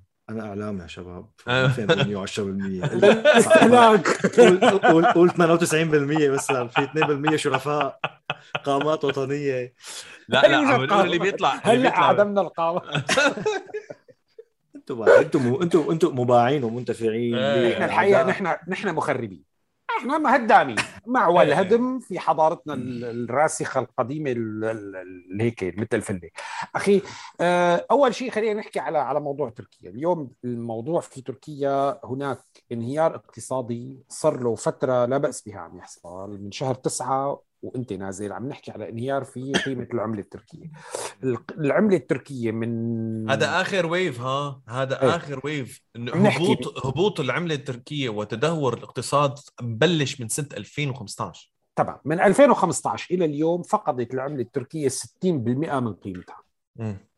وبخلال ال- الشهر الماضي تحديدا 20% آه، أضيفت إلى هذا صحيح. الفقر. صحيح تمام هذا number 1 هلا ال number 2 هو طبعا آه، في أنظمة آه، يعني النظام اليوم النظام الحاكم في تركيا ليست الدولة ومؤسساتها والبيروقراطية التركية. عم نحكي عن النظام الحاكم أي بمعنى آخر إردوغان ورهطه من من ال AKP حبيت رهطه تمام.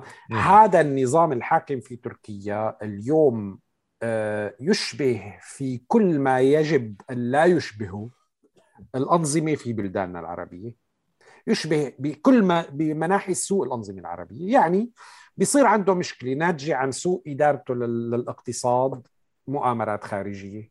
تمام؟ آه صارت عنده مشكلة قاموا عليه مجموعة من الناس نتيجة قرار أحمق اتخذه أو نتيجة آه خلي بقامته عملاء عرفت كيف؟ آه متآمرين وع- وخونة وعملاء الأكراد عم يبعبصوا ب- تمام. بسفل الدولة العثمانية. اليوم اليوم ال- ال- الحل المباشر كان تبع أبو بلال هو إنه يقول لك هي مؤامرة وعقوبات وكذا وإلى آخره، اليوم الانهيار كان صار له فترة عم يصير. نتيجة عوامل متعددة من ضمنها مو بس سوء إدارة الاقتصاد آه، سوء التخطيط للاقتصاد التركي، الاقتصاد التركي مثله مثل كثير اقتصادات في العالم اقتصاد آه، مبني على التصدير وهذا ما سيء مو خطأ ولكن مقابل المناحي الجيدة لأنه يكون اقتصادك export based بيسموه مبني على التصدير اللي هي إنه بتجيب لك عملة صعبة بت بتبيع آه، آه، أغراضك برا وبتحسن من من تعاملك التجاري وكذا وإلى آخره. فأنت منكشف على الأسواق الخارجية. يعني أنت قصدك شيء- ال- أنت قصدك الاستيراد وإعادة التصدير. يعني اللي قصدك الاستيراد وإعادة التصدير. التصدير. التصدير أنت تنتج منتجات وتبيعها في الخارج. بتحصل على عملة بس صعبة. بس هذا شيء كتير منيح. يعني أنا بعتقد ال- الانكشاف اللي موجود هو الاستيراد وإعادة التصدير. مهم إيه كفي مو مشكلة المشكلة هي أنت لما بتكون export based كل شيء بيحصل بأسواق الآخرين بيأثر, بيأثر عليك, عليك. أنت بيأثر أنت عليك ما عاد تقدر تخطط اقتصادك بس مبني على تخطيطك ال- إنه بسوق أنت ممسك بكل الخيوط أنت منكشف على السوق العالمي أي تذبذب بالسوق العالمي بده يأثر عليك هذا. الشيء مو مو بس تركيا حاصل لها حاصل لكثير من الدول الأخرى اللي عايشة على على طبعاً. أساس ال ex لازم يكون في عندك شغلات تعملها لحتى يكون في عندك ال volatility to minimize the risk of volatility. يعني تخفف أنت- خطر خطر. هذا الاكتشاف هذا تذبذب، التذبذب آه، هون المشكلة بسوء الإدارة التركي. انه إنه هذا الموضوع مو حاصل بالشكل الكافي. الشغلة الثانية هي إنه أنت عمليا آه، آه، عندك عجز بميزان ميزان الميزانك التجاري. يعني العجز الميزاني التجاري. انت بتصدر 10 ليرات بتستورد 15 ليرة. فانت بتستورد 5 ليرات أكثر ما بتصدر. فانت هدول مم. 5 ليرات هدول بدك تحطهم من جيبتك. انت عم تاخذهم بالدين. هذا كمان ليس حكر على على تركيا. أمريكا في عندها عجز بالميزان بالميزان التجاري. آه، أي دولة من الدول الكبرى تقريبا عندها عجز بالميزان التجاري. لكن في عجوزات بحدود ما معينة لما بتقارنها بالدخل القومي تبعك في نسبة من العجز تعتبر معقولة ومقبولة في نس- نسبة تكون عالية شوي في نسبة بتصير عالية كثير وخطرة. تركيا هي النسبة الأكبر في العالم من حيث العجز بالمستوردات التجارية بالدول العشرين. تمام؟ ال- ال- الكبرى. فاليوم أيضا تركيا عندها دائما عجز مستفيض. يعني بال 2016 كان 33 ب 33 مليار دولار. اليوم آخر رقم موجود كان عندنا ال 2018 آه، حوالي ال 51 مليار دولار. الفرق بين اللي بتصدره تركيا وبين اللي بتستورده. هلأ أنت بحاجة الموديل التركي مبني على أساس استقطاب الاستثمارات في الاقتصاد التركي.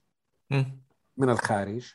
كل ما بيفوت عليك مصاري زيادة بالسنة كل ما أنت بيصير في عندك cash on hand بتقدر تسكر العجز التجاري اللي عندك عندك فيهم وبتقدر تجدول ديونك وتدفع تدفع قيمتها لأنه أنت عم تقترض. تمام؟ الم- الميزان التجاري ال- ال- عفوا ال- الناتج القومي التركي 730 مليار دولار تقريبا آه، أكثر من ثلاث أرباع آه، تريليون دولار بشوي. هن الرقم 20 على قائمة ال- الدول 20 تمام؟ من حيث الناتج القومي. قيمة الديون ال- ال- اللي على تركيا اليوم هي تقريبا ثلث الناتج الوطني ال- ال- الناتج القومي التركي 250 مليار دولار. انت بحاجة حسب الحسابات الاقتصادية من مختصر الكلام 200 مليار دولار استثمارات دائما عم تدخل عليك كل سنة لحتى تقدر تخدم الدين تبعك وتسكر تسكر العجز التجاري وتضلك انت آه، آه، أفلوت. هذا الشيء نتيجة عدة ظروف جزء منها هو العامل السياسي والعقوبات على تركيا بس جزء منها أيضا أزمة كورونا والاضطرار لأنك أنت تفوت عميقا بالجيبة تبعتك وتدفع من من مصاريك لحتى تحفز الاقتصاد وتعطي مساعدات وكذا. أدى إلى أنه هن صرفوا الاحتياطي المالي اللي كان موجود عندهم وما عاد عندهم كفاية لحتى يدعموا. بهيك حالة أنت ما عم يفوت عليك دولارات مستورداتك عم تزيد وتصديرك ما عم يكفي وعم تزيد الفجوة تبعتك فأنت عم بيصير عندك انكماش اقتصادي. الناس ما عاد عندها إمكانية تشتري مثل ما مثل أول لأنه ما عم تنتج وظائف بما فيه كفاية لأنه عندك عجز لأنه عندك كذا. تمام؟ فالحل عادة بهيك حالة لحتى تحافظ على قيمة عملتك وما ترفع الأسعار على الناس جوا إنك أنت تخفف الاقتراض تعزز عملتك بإنك تخفف التداول تبعها بال- بالسوق لحتى ما تنزل قيمتها وتحافظ على الأسعار بحد ما معين. هذا معناها إنك أنت لازم ترفع أسعار الفائدة. إردوغان قال لا أنا ما بدي أرفع أسعار الفائدة. ليش؟ لأنه هو بده يحافظ على جاذبية الاقتصاد التركي للاستثمارات. قام شو عمل؟ خلال الشهرين ونص الماضيين مو بس ما رفع ما رفع سعر الفائدة ولا حتى ثبته نزل سعر الفائدة. فصار في اقتراض أكثر قام دخلت عملة أكثر على على السوق. قام نزلت قيمة العملة ورد ارتفعت الأسعار. وما فات مصاري زيادة على الاقتصاد التركي. ومصمم إردوغان اليوم على إنه يحافظ على هذا ال على هذا ال على هي السياسة اللي اليوم بقلب تركيا كثيرين عم ينتقدوه. طبعا خارج تركيا كل المؤسسات الدولية والناس اللي بتفهم بالاقتصاد عم تقول لك هذا هذا تصرف غبي. خليني خليني اشرح آخر لك شغلة بس بدي اقولها اخر. شغلة بس قول. هي إنه اليوم اليوم. إردوغان واقع في أزمة. مم. بقلب تشكيلة بقلب الشرق الأوسط عم تتغير آه، بشكل متلاحق ودوري. التحالفات فيها عم تتغير وخطوط ال- المواجهة واضحة إنه اليوم كل شيء ضد ضد إيران. تمام؟ هلأ طريقة طريقة المواجهة مع إيران طبعا عم تختلف. كانت حادة اليوم عم تصير بطريقة سلالة أكثر وكذا. اليوم الإمارات قررت تعمل أخي. عفى الله عما سلف معك يا بلال نحن فايتين نساندك نعطيك 10 مليار دولار. نفتح صندوق استثماري لندعمك. بالمقابل بدك تشتغل معنا بقصه إيران. طبعا أبو بلال كيلوت أمه بيبيعوا بي- بيبيعوا وقت اللي وقت اللي مصلحته فيه. تمام؟ فأنت عم تشوف غير البراغماتية اللي كان عم يحكي عليها بشر اللي هي تميز الساسة بالعموم أنت عم تشوف براغماتية الشرق الأوسط المتميزة اللي هي يعني تنتقل من ال- من العداء التام المستميت لا القاتل لا لا لا لمرحلة في الطيزان بس 24 ساعة لأنه بالناس بس. عرفت كيف إنه تبع أنا وأنت آه. في الجنينة تمام خليني؟ خليني بس أضيف لك شغلة جانب ثالث. للأزمة اللي صايرة تفضل الحقيقة إذا بدنا نشخص اللي صاير بتركيا أو الاقتصاد التركي هو بكل بساطة واحدة من أوضح التجليات لكونسبت اسمه الاقتصاد الدكتاتوري. يعني الاقتصاد. الدكتاتوري الاقتصاد الدكتاتوري هو اقتصاد غير مستدام يعتمد بالأساس على مجموعة كتير واضحة من مشاريع الإنفراستراكشر الكتير كبيرة ال- ال- المبهرة يلي يلي بتأمن بسرعة آه، يد عاملة. فبالتالي البلد من جوا بتنتعش العالم بيقولوا أوف شوفوا شو عم بيصير. وفعلا بتبلش تكرج ال- المصاري بقلب اقتصاد ال- المهرجانات أيوه تماما. وهو طبعا مين اللي عم يعمل هالقصة هلأ؟ عمو سيسي. عم يعمل نفس القصة تماما بس سبقوا عليها أبو بلال من زمان كتير. وهذا هذا الكلام يتجلى بكيف قفز الاقتصاد التركي بفترة معينة. هلأ وين المصيبة؟ المصيبة إنه الاقتصاد ال- الدكتاتوري لما بيعمل هيك قصة ما بيلتفت على خلق اقتصاد مستدام يعني ما. في استدامة لهذا الكلام. عمرنا كوبري وبرج وجسر والضرطه و- وصخام ومترو وخ... بعدين خلص شو بدنا نعمل؟ شو صار؟ شو بدك تساوي؟ يعني يعني السيسي ما عاد عرف. عمر أكبر سجن بالع- بالعالم. ما مدري شو بعد ما بعرف شو عمل. فالاقتصاد التركي اليوم وأنت عم تحكي عن تركيا 90 مليون إنسان وبلد غنية جدا ومعروف إنه تركيا هي بلد صناعية. يعني بلد فيها صناعات كتير. أنت عم تحكي عن اقتصاد فعلا قادر يكون اقتصاد صناعي بامتياز هذا هذا الاقتصاد فشل إنه يصير مستدام. ليش؟ لأنه في عامل مهم كتير بالباكج اللي بيقدمها الاقتصاد الدكتاتوري اللي هو الفساد. في فساد مستشري بتركيا مذهل مرعب مخيف. يحول ما بين الناس اللي بتفهم بالاقتصاد إنها توصل وتمسك مراكز بتقوم تقول خلينا نحط خطة مستدامة لحتى يفيق هذا ال- الاقتصاد. مثل نام عمو نام عمو آه، إردوغان. فقال أخي أنا الفائدة ما بعرفها. هذا مو مو مو حل. هاد بيقولوا له fire fighting يعني أنت يا أما بتحط خطة محكمة وبتمشي عليها يا أما بتستنى للبلاوي تتحدف عليك وبتصير بس بت... وين عم تهب النار عم تطفيها. فهذا اللي عم بيصير هلا حاليا. و... أنت في عندك ست ست سنين طار فيها خمسة آه، حاكمين للمصرف المركزي لكان التركي. لكان. ال- السياسة الاقتصادية عادة في الدول حتى بتركيا كان على فكرة بالمناسبة يعني بأسوأ أحوالها كانت دائما السياسة الاقتصادية فيها استقلالية معينة عن الحزب الحاكم أو السلطة الحاكمة. اليوم حاكم مصرف المركزي التركي خاضع تماما للابتزاز السياسي لإردوغان. آه، وبالتالي اللي عم يحط السياسة الاقتصادية هو إردوغان. هذا هو اردوغان مو اختصاصه اقتصاد اقتصاد ما بيفهم. دك... للأسف اقتصاد دكتاتوري. بامتياز. نحن مو شايفين ضوء بنهاية النفق. ال- عندي سؤال. هات لشوف. عندي سؤال قبل ما هذه. بدي أسألك عليه. اياه من أول الحلقة آه، بشر. مستحيل. وين بتح... وين بتحلق والله. شعراتك؟ على السؤال سؤال خرابي سؤال فرنجة. لا شو بيقول بشر سؤال الفنان لبشر الإنسان. سؤال ده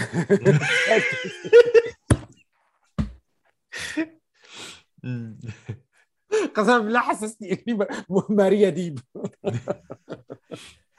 بدي أسألك سؤال لا ي... لا يقل فزلكه عن ذلك بس كثير بيهمني إني أسألك اياه لأنه أنا كنت بدي أختم بإني أقول مرة ثانية وثالثه وعاشرة ولا أكل ولا أمل إنه آه، آه، شكرا للي أنتم عم تعملوه أنت وأنت وعمر وعن جد والله نحن نحن بكل تواضع ومحبة وبعتقد أنا عم بحكي عن عمار أيضا لما بقول عمار بلش يدير خلقه من بيت فستو عمار.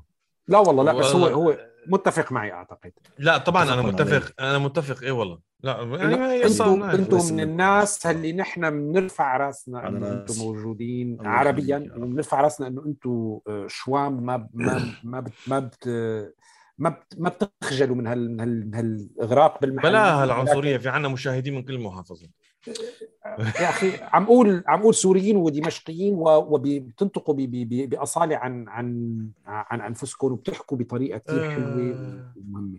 أنا سؤالي هو آه، في كتاب آه، كنت عم بقرأه لواحد اسمه دانيال دريزنر. عم يحكي عن شيء بيفرق بين ال public intellectual المثقف العام خلينا نسميه وال thought leaders أو آه، رواد التف... رواد رواد الفكر. إيه بيقولوا قادة الفكر. قادة الفكر قادة فكر قادة فكر. تمام شكرا كثير عمار على على رأسي أستاذ آه اللي اللي بيقوله هو إنه المثقف العام آه نقد نقدي ناقد آه آه بيستنتج الأمور مما يراه وبشكك آه، بالظواهر العامة التي يراها وعادة ينحو إلى آه، النظرة اللي ما كثير متفائلة. بينما رواد الفكر أو قادة الفكر هم الناس evangelists آه، أصحاب أصحاب إيمان يقيني بالقضية اللي هن عم يناقشوها وما آه، بيناقشوا actually هن بيحاضروا بالعالم بيقولوا لهم بي يعني الخطاب طرف واحد مو خطاب تحاوري. آه، و... وبيبيعوا منتج خلينا نقول فكري. آه، انت بتلاقي حالك بهي المعادلة اللي هي مثقف عضوي مقابل قاده فكر. تيد توك آه، اللي هو قاده الفكر مقابل مقابل الدخول بحوار مع العالم. كونك انت عندك صاحب منبر ومنصة اللي هي هذا هذا البودكاست. آه، هل أنت آه، من قاده الفكر هل أنت زلمة عندك شيء مسبق عم تبيعه للعالم ولا أنت داخل بحوار مع الناس؟ أنت آه، همك to start debate ولا أنك تقول لهم للعالم هذه هي الحقيقة اتبعوها ببعض القضايا ببعض القضايا إيه نحن في اتجاه معين أكيد اللي هي لا نساوم عليها اللي هي الديمقراطية أو حقوق الإنسان. بغض النظر عن القيم السياسية المجردة حقوق الإنسان حقوق المعتقلين قضية الشعب السوري القضية الفلسطينية مجموعة قضايا أنت ما بتساوم عليها يعني. هدول ما يعني ما اذا عندكم التزامات أخلاقية والتزامات سياسية تماما مو هذا اللي عم اقوله تماما. هذا هي الأساسيات. لا في أحيانا أنت يعني خلينا نقول نحن المزيج من الاثنين لأنه نحن بالنهاية كمان هذا ينبع من إنه أنا وأخي مزيج يعني نكمل بعضنا وليس متوازيين مع بعضنا. يعني أنا وياه صاير هو يعني مستلم خلينا نقول الجزء البحثي مع الجزء الكتابي وأنا مستلم تحويل هذا الجزء البحثي طبعا مع باسم المخرج كمان يعطيه ألف عافية. نحن ثلاثة نحن ثلاثة صرنا عم نحاول آه، نطلع بهالمنتج هذا اللي هو جزء من اللي بنقدر نطلع فيه. نحن هذا ليس المنتج فقط النهائي. إحنا فينا نرجع نعمل هلأ محتوى أصعب من ديستوبيا حتى أكثر عمقا أكثر كثافة. فخلينا نقول الاثنين سوا خلينا نقول الاثنين سوا. يعني أنا إيه بحب نطرح قضايا معينة وكثيره للنقاش لتخلي الناس تشغل مخها تخلي الناس وهذا اللي هذا اللي فيك تشوفه بانه نحن غير مباشرين بكثير حالات. نحن ما بنقول للناس إنه هذا صح هذا غلط هذا معه أنت هذا ضده. بس آه انحيازاتكم واضحة. هذا بقى هون تماما انحيازاتنا واضحة. لشو بقى بيجي؟ نحن لقضايا نحن مؤمنين فيها. ليش؟ لماذا؟ نحن ليس عندنا رفاهية الفكر المتجرد والحيادي 100% إنه نحن جماعة أصحاب قضية ولسنا جماعة عايشين في أدغال أستراليا أو مو أدغال أستراليا في ميلبورن وراتب كل واحد من الشعب السوري خمسين ألف دولار بالسنة وفاضي يناقش. نحن عم نحاول نوعي ناس آه، لحتى بركي الجيل في حالة صراع دائم. تماما. ما يوقع بنفس الأخطاء. قدر الإمكان ونحن طبعا جندي بالنهاية. نحن جزء صغير جدا من منظومه لازم يكون في كثير كبيرة من السوريين تكون عم توعي اللي هي المفروض أصلا تكون راعيتنا دولة ودولة موجودة ويعني فايتين ب 600 حيط فايه نحن اثنين سوا. نحن بنحاول نحفز هذا النوع من التفكير والنقد والنقاش والخير والجانب علمي بحت بيور يعني صرف. بالإضافة لأنه نحن بالنهاية مثل حلقة الشاورما مثلا اللي هي ما فيها جانب علمي كثير بس فيها قضية أنا بالنسبة لي مهمة عم حاول للناس عم حاول أكون مؤثر عليهم إنه يا أخي اعتز بهويتك اعتز بنفسك ارفع رأسك لفوق. هات تشوف عرفت. يعني مثل درس أنت شو؟ مثل مثل درس العسكرية تماما. كان انها اعتز بنفسك ويسبنا اعتز بنفسك ولك حيوان. هيك خلي عندك كرامه يا حقي فهاتان قضيتان يعني. فينا نقول مزيج الاثنين سوا. إذا أنت أنت بتعتبر حالك إذا إذا عرفنا بهالطريقة يعني أنا عندي مشكلة اليوم سؤالي هو هذا أه وهذا هذا السؤال الذي أسأله لنفسي أكيد أكيد مرة ثانية وثالثه وعاشرة. نحن ما عم نحط حالنا ابدا بمجال إنه نسمح لأنفسنا أصلا إنه نحط حالنا بنفس المجال اللي عفو عم تشتغلوا فيه. آه أنتم عم تشتغلوا بمجال مختلف عن اللي نحن عم نحاول نعمله هون. ولكن أنا عفو. بالمقبل من الأيام كمان بدي to branch out into something يشبه شعبنه العلوم اللي أنتم عم تشتغلوا فيها. حلو.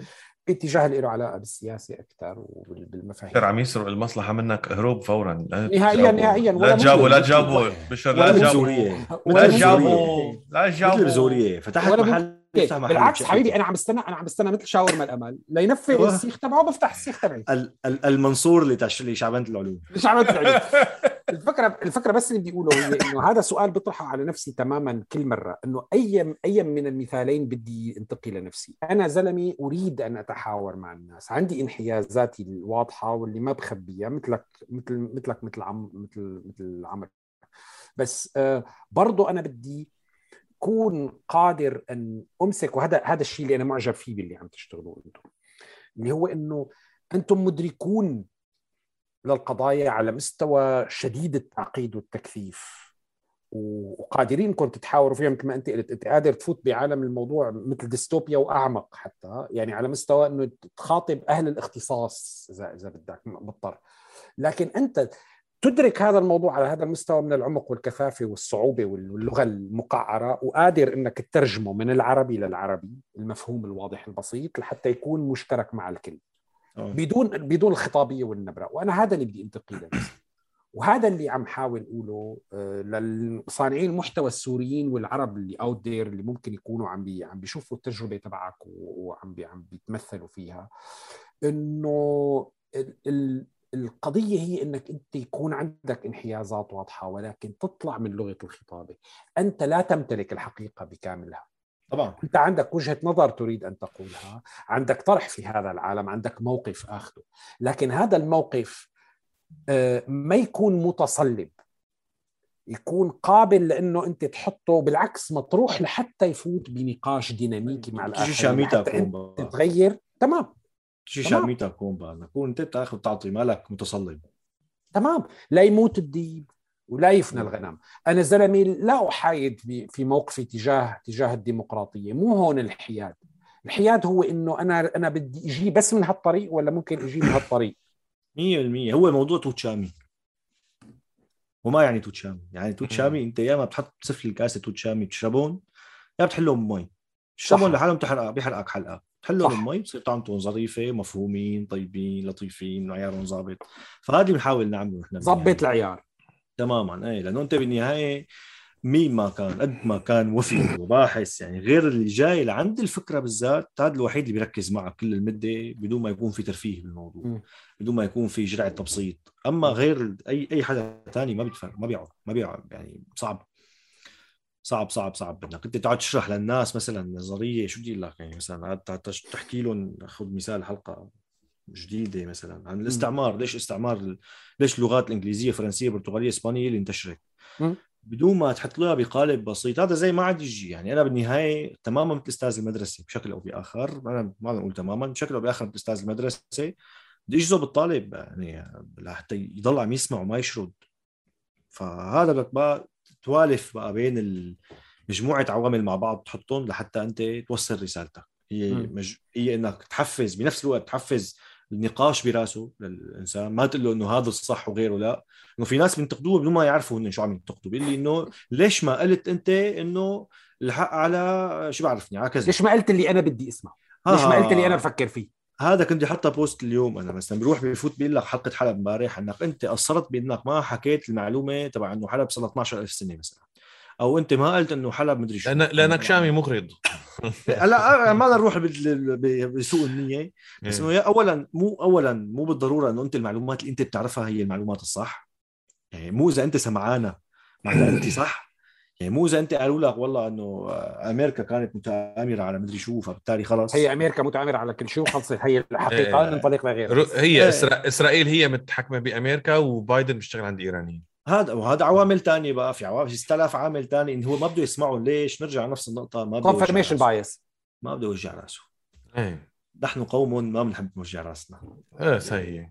ولا تطلع ولا تطلع من هي الخانة اللي بنحط فيها نحن اللي هي من المدرسة بتجي معك. يعني أنت أنا هون بدرس فرنسيين أنا طلاب فرنسيين وكان معي بالجامعة طلاب فرنسيين مباشرة بين معك إنه ابدا مو أذكى منك. ابدا ابدا ابدا لا لا طبعا طبعا طبعا طبعا بس مربى صح بالمدرسة ولو إنه مو أحسن مدرسة بالعالم المدرسة الفرنسيه بس منبى المنهج. ينظم أفكاره صح. المنهج. أنا يعني أول مرة قالوا لي احكي لي بحث اكتب لي بحث أنا أول مرة قالوا لي اكتب لي بحث بفرنسا فرشت.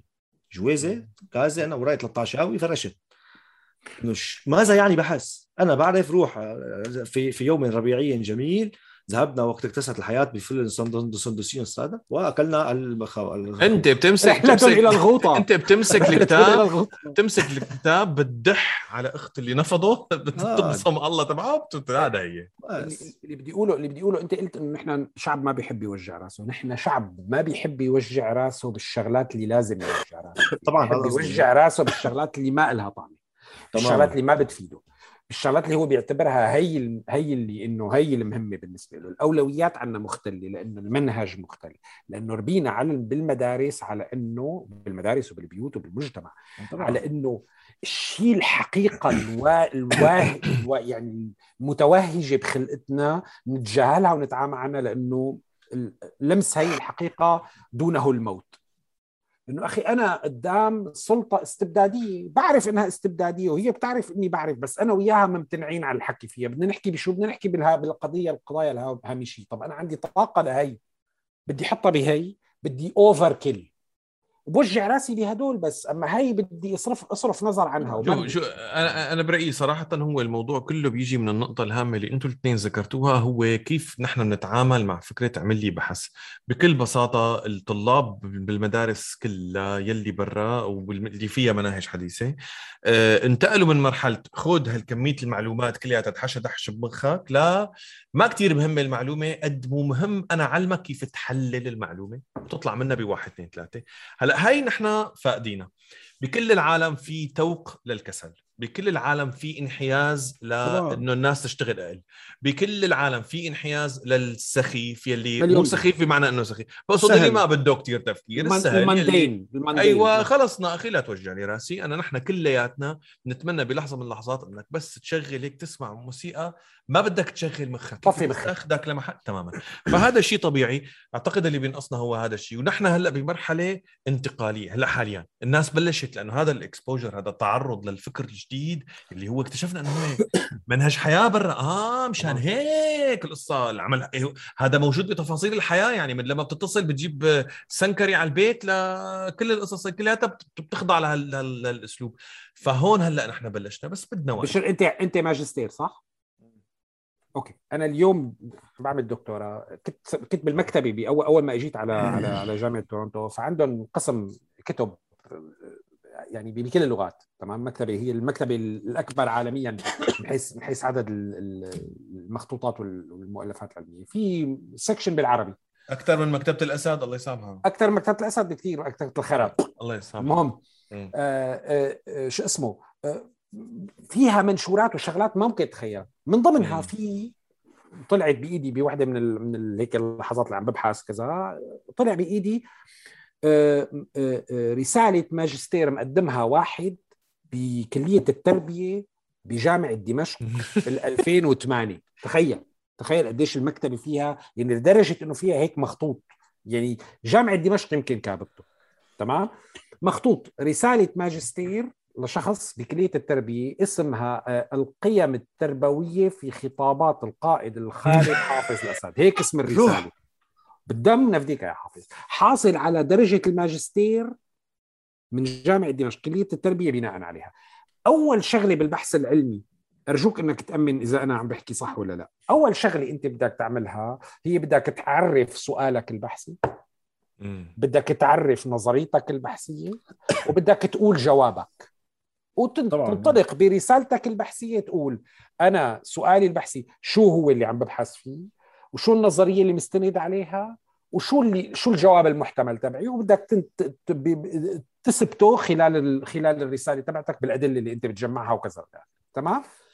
فهدول الأقسام بأي رسالة بحث بأي منهج علمي صارت صارت متفق عليها بجامعات ومباحث الأرض كلياتها. الشاب عاملها. قايل إنه السؤال البحثي قال بعد مقدمة إنه الأرض ومعشوشبه والربيع الطلق وكذا إلى آخره. تمام؟ قال لك إنه بما أن القيم التربوية الراسخة الموجودة في في خطابات وأقوال السيد الرئيس القائد الخالد حافظ الأسد تثبت نفسها بنفسها فليس في من حاجة إلى سؤال بحثي خلص نجح هذا. مجرد البحث فيها هو هو هرطقه هرطقه هو لا مجرد البحث فيها هو قيمة علمية بحد ذاتها. الله. يعني الله. زلمة حصل على على درجة علمية بناء على منهج علمي فاشل من جامعة عم تنتج دكاترة ومؤسسات بهالطريقة. إلى عشب أحوالنا بهالاكل بس إيه تعليقا إيه. تعليقا على نقطة بس كمان أنا ب... أنا انه أنا كثير بحب إنه نروح على كل الأطراف. بعد ما جينا وأعجبنا وانبهرنا وهذا شيء طبيعي وصحي وحقيقي. أنا كمان بيجي ضد اكتشف العجز. لا مو بس العجز أنا بيجي ضد الانجراف والانهزام إلى درجة التماهي والدونية. هذا اللي طبعا بكرهه طبعا طبعا. وبيصير مشكك بكل ما يتعلق بما سبق. مم. بكل شيء بكل القيم وبكل الأفكار وبكل التاريخ من الأكل للشرب للمبادئ للهجة للغة. هذا بينتج إنسان مشوه أنا برايي مشوه عديم مقتلع بجذوره و... ولا وما شفت ولا واحد منهم هذول إنسان منتج. وم... و... هو غير منتج وهو منحاز منحاز سلبيا لأنه بكل بساطة أنت المفروض لما تتعرض لهيك فكر جديد إنك وتبنيته مسكته وتبنيته اللي هو التفكير تبع التحليل وإنك أنت فعلا تكون منطقي. طبقه على كل شيء. يعني بصراحة أنا اليوم مثلا بهولندا بعرف إنه الشعب الهولندي بصفة عامة عندهم هي العادة تبع هي هيك. هي هيك. لك أخي ليش هي هيك؟ ما بيجاوبك لأنه هي هيك. فهن عندهم نفس الأمراض اللي موجودة نحن عندنا بالمجتمع. بس في كتير ناس بيقول لك يا أخي مثل الهولندية يا أخي شو هالأمة؟ ولا الناس اللي مفلوجين بالألمان والناس بكل بساطة الإنسان إنسان هون عفوا عفوا أنا مفلوج بالألمان. انت مفلوج بالألمان الله يسامحك يا زلمة. انت انت لساتك عايش على أفضال الأب القائد وعلى ال... ال... ال... هذا النظام اللي علمني وعلمك. عدل له فرد له قامات من فوق ونحن تنكر إيه إيه. نحن وتنكرنا لكل هذا الشيء وطلعنا ثورة. بس على العموم يا جماعة الخير أول شيء يعني هنا ننهي هذه الحلقة الجميلة اللطيفة. وهنا أعزائي المشاهدين باخذ عنك. وهنا أعزائي المشاهدين. نكون قد وصلنا إلى نهاية هذه الحلقة.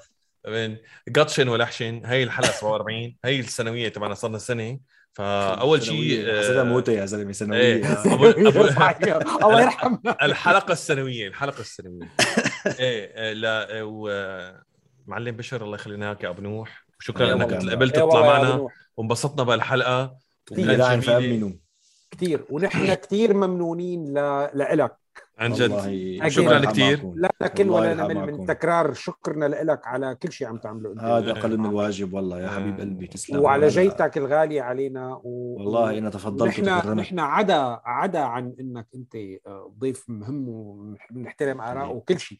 انت زلمة مهضوم وظريف ودمك خفيف و... خلينا ننهي خلينا ننهي الحلقة مثل ما بلشنا. فعلا. شو ما قلت شو ما قلت شو ما قلت قليل. شو ما قلت والله بعرف. اي والله معنا حق. لا بس حنضيف عليها شغلة اللي هي ستسقحك أرضا بيضتك تريا. لا لا إيه بيضتك تريا طبعا. لا ماما بابا لا.